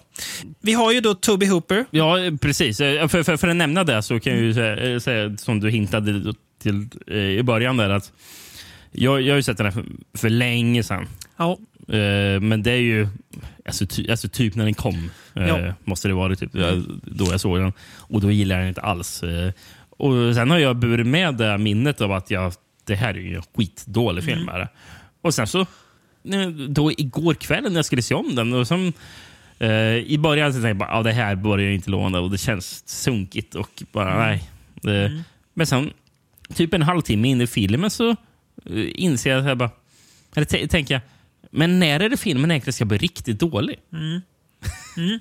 för, för, för, för jag sitter liksom och väntar på att ja, men det är väl någon gång jag kommer helt tappa hoppet om filmen. Ja. Men nej, det är, så, det, är, det, är, så- det är så kul och trevligt Ja. att kolla på. Ja. Det, Och det blir ju bättre egentligen ju längre den går. Blir ja. Den. För, för, för, för, det är egentligen början som den är som sämst. Mm. Eh, eller som svagast. Ja. Men då, då, då, då, då, då, de, då de ska introducera alla knäppa personer som mm. bor i huset. Det är väl mm. egentligen det som är svagast. Liksom. För det, det, där känns det väl så här tidigt 00-tal. Hur den presenterar alla personer. Så. Jag har ju en karaktär. Det, det, det suckar jag. En, en karaktär som het, seri, seriöst heter Ned Lundy. Spelas väl av en av manusförfattarna, tror jag. Ja, eh, man- manusförfattaren eh, Adam G. Rush. Ja. M- De, de som skrivit den här filmen är ju samma som skrev sen Mother of Tears. Ja, de eller, skrev de inte första draft? Eh, Jag tror inte Så de kanske det skrev det Nej, som... men att de ändå var med. Där- ja, jag tror Argento tog tag i det där Ja, sen. okej. Tror jag. Men de, de skrev... Eh, och Sen har han gjort några filmer också, Adam G. Rush. Mm. Han gjorde... Hans första film var Autopsy från 2008. Är det någonting du känner igen? Nej. Eh, sen så regisserade han ju en av delarna i den här Tales of Halloween som kom för några år sedan. Okej. Men han har ju även regisserat din favoritfilm. Eh, 2009, Night of the Demons. F- Ja, just det. Den ja. Mm. ja. Har du sett den? Nej, det har jag inte gjort. det, jag minns den inte som så bra. Kan vi, kan ko- kort säga. Nej. Eh, ja, precis. Men i, i den här filmen det är, det är väldigt många skådespelare man känner igen. Mm. Väldigt många. Mm. Eh, för, förutom Sherry Moon, som ja, hon står faktiskt som, bara som Sherry Moon. Det, är- jag tror det är enda filmen som hon inte står som Sherry Moon Zombie. Mm. Och, och kanske enda filmen där hon inte är som är gjord av hennes make. Kan vara så. Kan det också vara. Eh, jag, jag, tror hon var med för att, uh, för att Tob, Toby Hooper och Rob Zombie kände varandra. Okej. Eh, nog därför de fick rollen, fattar det som. Mm. Men uh, förutom det så dyker ju Juliet Landau upp. Martin Landaus dotter. Japp. Ehm, och vi har ju fina, fina Rance Howard. Mm. Pappa till. Clint Howard. Ja, exakt. Eller som, som jag har, har, skrivit i mina an anteckningar. Farsa till Gud. Eh, men sen har vi ju Sen har vi ju eh, huvudrollen då, som Mm. är Angela Bettis. Japp. Mest känd från eh, filmen May kanske och eh, The Woman. Lucky McKee-filmer. Och Carrie-remaken. Just ja. Den oväntat bra Carrie-remaken ska ju sägas. Också. För den är en remake va? Ja, precis. Precis. Sen har vi en skådespelare som dyker upp, Greg Travis, eh, spelar Mm. hyresvärden. Mm. Som i början när han dök upp så trodde jag att det var Larry Fessenden, för han var väldigt lik. Ja, påminner om honom. Jag bara, åh, är det han? Vill- Men det var, det var inte han. Eh, Den här Greg Travis, han är med i båda Hu- Humanoids from the Deep. Jaha, alltså både gamla och remaken. Eller ja, den... Och nu. Jaha, Ja, precis. Ja, spännande. Vill du höra en, Mm. en sjuk grej som dök upp när jag såg den här filmen? Just i min tankeverksamhet. Mm. Eh, jag satt och tänkte så här. Angela Bettys kille i filmen. Jag tycker han är lite lik någon. Vet du vad det sjuka är? Vem, vem, vem, vem jag tycker han är lite lik? Ja. Han är, li, han är lite lik Clint Howard. Det tänkte jag innan jag visste att, att det var Rance Howard. Så när jag såg det bara, det här är ju inte sant. mitt undermedvetna. Ja, fast Angela Betty är ju inte tillsammans med Rance Howard. Nej, men jag menar att hennes kille i filmen är lite lik Clint Howard. Och det tänkte jag Ja, innan, ja, ja, jag, ja. innan jag visste att Rance Howard eh, alltså, var med i filmen. Jag menar bara så här, vilket sammanträffande. Jaha, okej, du menar så, ja. Ja. Mm. Eh, nej, nej, det vet nej. Men eh, bara, jaha, oj, ja. Men eh, man, eh, man, man letar ju gärna Clint Howard lookalikes när man kollar på film. Så det var säkert min sjuka Mm. hjärna som spelar med ett spratt där. Ska, ska jag säga några, lite mer såna här Lucky McKee-kopplingar förresten med, med mig? Eh, Yes. Och Det var ju tydligen Lucky McKee som egentligen skulle spela mördaren. Jaha. Eh, men han hoppade av och sen så jag tror han höll på att jobba med att göra The Woods. Ja. Men sen så också har vi han som har fotat filmen, Steve Jedlin. Eh, han, har ju- han har ju fotat mig. Det är många, så många som är kopplade till den filmen. Mm. Men mest förvånad blev av han Steve Jedlin. För han, han hade typ bara gjort de här, fotat de här två filmerna. Sen så en, en del här mindre, alltså, mm, halv, halvobskyra skräckfilmer. sånt där. Han har ju fotat alla filmer eh, av Ryan Johnson. Oj, även, även Star Wars. Även Last Jedi, Last Jedi och Knives Out. eh, Jaha. Det, är samma kille som Toolbox Murders. Ja, det, var, det var oväntat och härligt, tycker man också såklart.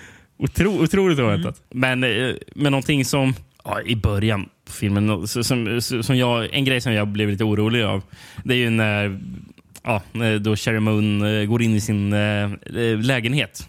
Och hon, kommer ju bli attackerad av en- av den här mördaren, det vet man ju. Men eh, det börjar ju åska. Och då tänkte jag bara, vad är det här för någonting? Mm. Eh, för de, de blixteffekterna, riktigt usla är de. Japp. Tänkte du också på det? eller? Ja. Alltså, själv tänker jag väl bara, ja, ska vi, hur ska vi simulera att det, bli- att det åskar och att det, att det kommer en blixt? Mm. Ska man, är inte bara, kan man inte ha bara ha typ någon väldigt stark spotlight som bara eh, man bara tänder snabbt och stänger av? Eller, någonting. eller gör, någonting så att den bara flimrar till. Mm. Någonting sånt tycker man väl. Så att, någonting för att göra att den här mörka lägenheten blir upplyst. Det man gjort, som jag, som jag tror i alla fall att man gjort, jag misstänker att man gjort. Det jag, jag misstänker att man bara filmat scenen med den ljussättning man har. Sen har man i postproduktion dragit upp lju- ljusstyrkan. För varje gång det blir ljust så blir även färgerna helt förvrängda och bilden blir konig. Mm. Som när man med en kamera typ håller på att mixtra med Ja. ISO-inställningar och sånt där. Exakt. För bilden blir helt konig. Så det är bara, ja, vi har tagit det mörka fotot, sen har vi bara dragit upp just exponeringen på, på allt det mörka. Det ser för jävligt ut. Det. Och också jättedumt val. Alltså, och, de använder, och de använder det flera gånger också. Ja. gör de. Jätte, ja, nej, det, det kan man undra. Varför gjorde man så? Eh, Nästan som att man, man kom på sen att... Det måste vara här- enklare bara att ha någon... Ja, billigare Ja, och ha att ha en spotlight. Ja, men eh, absolut. Och jag kan väl tycka lite ibland att filmen lider lite av att den är, den är rätt ful eh, att titta på. Alltså det, det är ingen jätte så här, fin film att titta på. Men, Alltså, den, ser ju, den ser ju verkligen ut som sin tid. ja, den. och det är ju inte alltid en fördel. Men det jag tycker... Eh, och, och sen så tycker jag väl kanske att... Eh, eh, känns det inte lite som att de är lite övertydliga med att de försöker hinta om att... Eller det är inte ens hinta. Det är att de ska visa oss att ja, det här, den här skum... Eh, den här skum... Är, är det Ned Lundy? Ja. den här skummen Ned Lundy. Det är ju han som är mördaren givetvis. Du hörde hans namn, Ned Lundy. Och sen så har han långt hår som man, man aldrig ser hans ansikte för han går och hukar sig Mm. ner. Och här är så här, han är flottig, liksom, ser otäck ut. Mm. Och han, han är ju, på den svenska VHSen är ju han på omslaget ser, har håret ner ser ond ut. Men, Eh, men, men, men. Det är ju inte han som är mördaren. Väldigt så red, red, red herring som är så upp, uppenbar. Alltså så här, det, ja. Men vi har ju en, en, en, ett kul grej. Är, mm, som Angela Betty försöker ringa polisen ett par gånger. Mm. Från, eh, tänker att ja, grannarna håller på...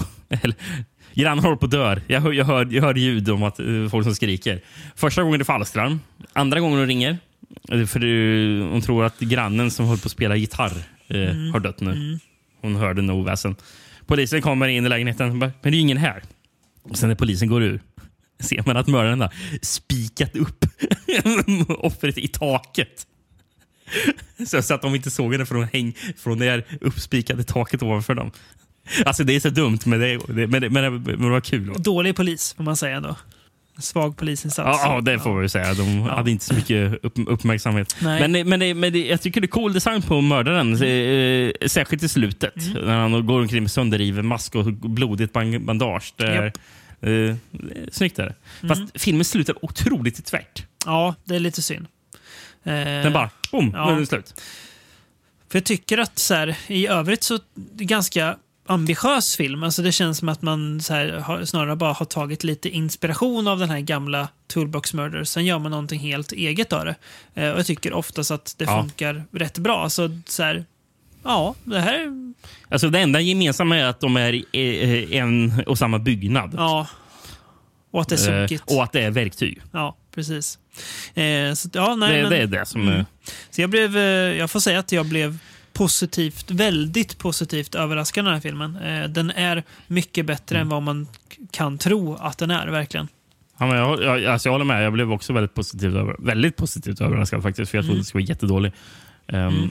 Jag läste att den, var ju, den blir ju väldigt nedklippt. Uh, då, då är den ändå rätt så våldsam Mm. nu. Men den blev, det, är många, det är vissa scener som blev rätt så hårt nedklippta för att, det, som, för att den inte skulle nå en NC-17. Mm. Och att de skulle kunna ha en R-rating som de fick nu. Just det. Så den var mycket mer våldsam egentligen. Ja, sen så läste jag, det här det är ju chockerande. Om det stämmer. Att eh, huvudrollen, eller förutom Angela Bettis, eh, Steven Barrows, eh, eller rollen Steven Barrows. I en intervju har Christian Bale sagt att han försökte kontakta Toby Hooper för att, spe, för att spela den rollen. Christian Bale bara, kan, kan, kan, kan, jag få, kan jag få vara med i din film? Märkligt, märkligt, om det nu stämmer, att, att inte det samtalet kom, nådde Toby Ja, Hooper. men han skulle ju sagt det i en intervju, så det verkar som att det stämmer. Liksom, varför skulle han annars sagt en intervju? Väldigt och, och Han skulle tydligen även, även själv spelat in eh, och ett sånt här screentest och skickat till Toby Hooper. Ehm, men, men blev aldrig eh, uppringd. Och vad gjorde han istället? Ja, då, då, då, då f- fokuserade han på att få rollen som Batman till Batman Begins. Ja. Tänk om, tänk om. Det hade varit lite Verkligen tänk om. annorlunda. Ja. ja, gud vad spännande. Ja, det var kul. Det hade jag inte, inte hört förut. Har du hört om att det finns ju en typ halvlös uppföljare från 2013 som heter Coffin Baby? Jag såg det när jag eh, kollade den här på Letterboxd. Att det är samma mördare i alla fall. Ja, precis. För mördaren kallas väl även en Coffin Baby. Eller, ja, Mm. den, ja. Ehm, Bruce Dern är huvudrollen på den. Ehm, och den är regisserad av Dean Jones som jobbat mycket med makeup. Han har gjort makeupet på Watchers 2. och även, nå- eh, även makeup till den här, till den här filmen. Då. Ja, okej. Ehm, men även till Slumber Party Massacre 3.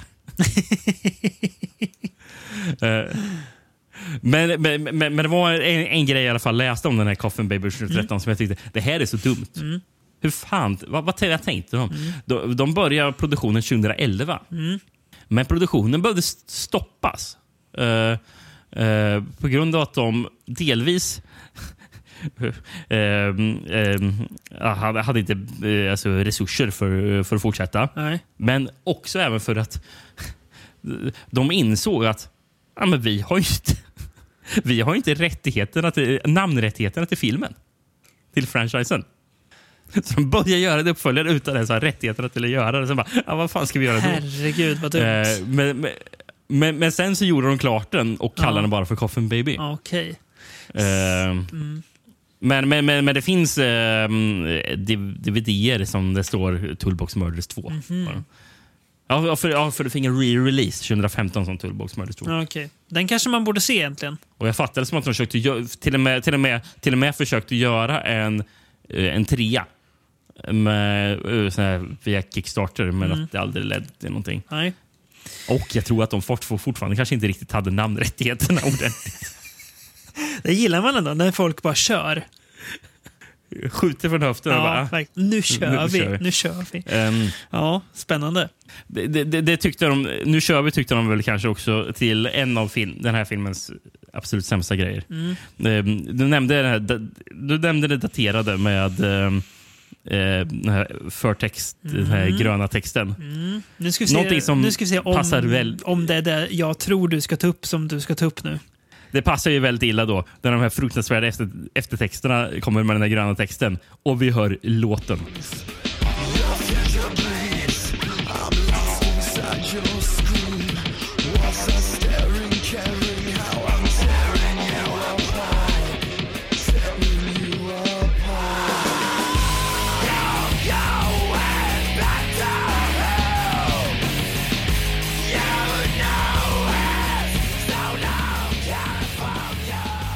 Ja, det var låten jag tänkte på också. Musiken är så gjord för Mm, den här tiden. För, för, en sån här, för en sån här film vid den här tiden. Japp. Det, ja, det, Det är mest... det är så- det är liksom... Den, Ja, det är så dåligt. Och, och, om, om, om, alltså, det, det fanns bara en låt med på, sound, på soundtrack på IMDB, så jag antar att det är den låten. Ja. Och vet vet du vad låten heter då? Nej. Eller låten och bandet. Låten heter California Back to Hell av bandet Shithead. Alltså, det är nästan som att det här är en mer typisk tidsmarkör än vad permanentade fris- frisyrer är för 80-talet. Det, liksom, det här är ännu mer så här, ja, det här är verkligen så här, pinpointa en tid. Ja. ja, det är helt... Ja. Shithead, ja det är så, ja fy fan. Ja, man, alltså man vet ju bara, ja, nu vet jag vilket Mm. typ var jag befinner mig i- tidsmässigt. Det som ändå är lite intressant det är att det är en tid man både vill tillbaka till men också inte vill tillbaka till. Precis. Men det är väl någonstans att man, man, man, kan, känna, verkligen. Man kan känna lite nostalgi för att eh, du och jag var liksom 16-17 då, runt den här tiden. Så att det blir väl lite någonstans att man Mm. kanske snarare längtar tillbaka till det än att man längtar tillbaka till just hur det faktiskt lät. För det, ja. Men eh, ja, nej men filmen är ändå... man hör och ser, ser sådana grejer, då tänker man bara Ja, det här är tiden av uh, 13 Ghosts. typ. liksom, det är den, den tiden man är i. Så in i bomben. Eh, men det här är ja, en, en bättre film än 13 Ghosts, ska sägas. Att det här är också. Ja, Bara det är det faktiskt. får- får Det, det trodde jag faktiskt inte på förhand att det Nej. skulle vara. Får vi in det också. Men eh, ja, nej men eh, om man ska av, avrunda då. Eh, vi kan ju ta upp, ta upp förresten verktyg i den här filmen. Han använder ju en eh, uppsjö. Eh, hammare, spikpistol, såg, borr. Eh, så han, han går loss med de olika verktyg han har till sitt förfogande. Den här Coffin Baby-mördaren. Mm. Men det är, det är ju, alltså, just verktyg funkar väldigt bra som mordvapen på film tycker jag. Det, fin, det finns, gör man det rätt så finns det något väldigt brutalt i det också. Eh, alltså att det känns så himla Mm. så här, vem, vem som helst skulle kunna plocka upp och göra och eh, begå de här morden, vilket ju uppenbart har hänt med de här mördarna eh, i slutet av 70-talet du nämnde där förut när vi pratade Toolbox Murders. Eh, så att, eh, ja, också så rätt jämn nivå på filmerna idag. Ja. Ingen som är dålig. Den som är nästan är sämst är gamla Toolbox Murders. Och det trodde jag inte när jag spelade in Jaha. att det, den kommer vara. Och det är, ändå, det är inte en dålig film. Så det är kul att man blir positivt överraskad. Nej, men det, och jag håller med. Det var fyra av de här filmerna jag såg om. Mm. Och jag tyckte alla var bättre än vad jag minns dem också. Förutom Toolbox Murders kanske, Mm. som jag tror att den landar ungefär på samma som jag minns den Ja. som. Fyra, fyra, om, fyra omtittar för mig också. Eh, och jag är nog beredd att hålla med dig om Mm. att de, de blev bättre den här gången. Förutom Toolbox Murders kanske. Så att, eh, ja, spännande. Mm. Ehm, och vi ska ju faktiskt eh, prata om mord även i nästa avsnitt ju. Eh, men jag vet inte hur mycket... Mer mord. Ja, jag vet inte hur mycket verktyg det kommer bli då, men eh, kanske något. Vem vet? Eh, men... Eh, Ja, jag tror inte det. Nej, inte, det- inte, inte vad jag vet i alla fall. Det känns inte som det. Eh, men vi kommer göra, det blir ju lite uppföljare av avsnitt till ett avsnitt vi gjort tidigare för ett par år sedan. När det nu kan ha varit. Mm. Så det blir, det blir spännande. Och sen får vi se till att eh, fixa... Vet, vet, du vad jag, vet du vad jag ser fram mest mot Nej. med det avsnittet? Nej. Jag är, alltså jag är så glad. Jag är så glad. Jag ser hur glad du är. Ja, nej, men, eh, det, det, alltså, ibland, ibland, ibland blir jag varm av tanken Mm. att man ska få titta på lite gammal tv-film. Mm. Jag håller med. Det finns så otroligt mysigt i det. här, Det är liksom. mysigt där. Ja, det är väldigt mysigt. Så det blir spännande. Men eh, ja, det kommer när det kommer. Eh, vi eh, tackar väl för oss idag då. Så Mm. hörs vi igen när vi återkommer med lite andra typ av bestialiska mord om ett par veckor.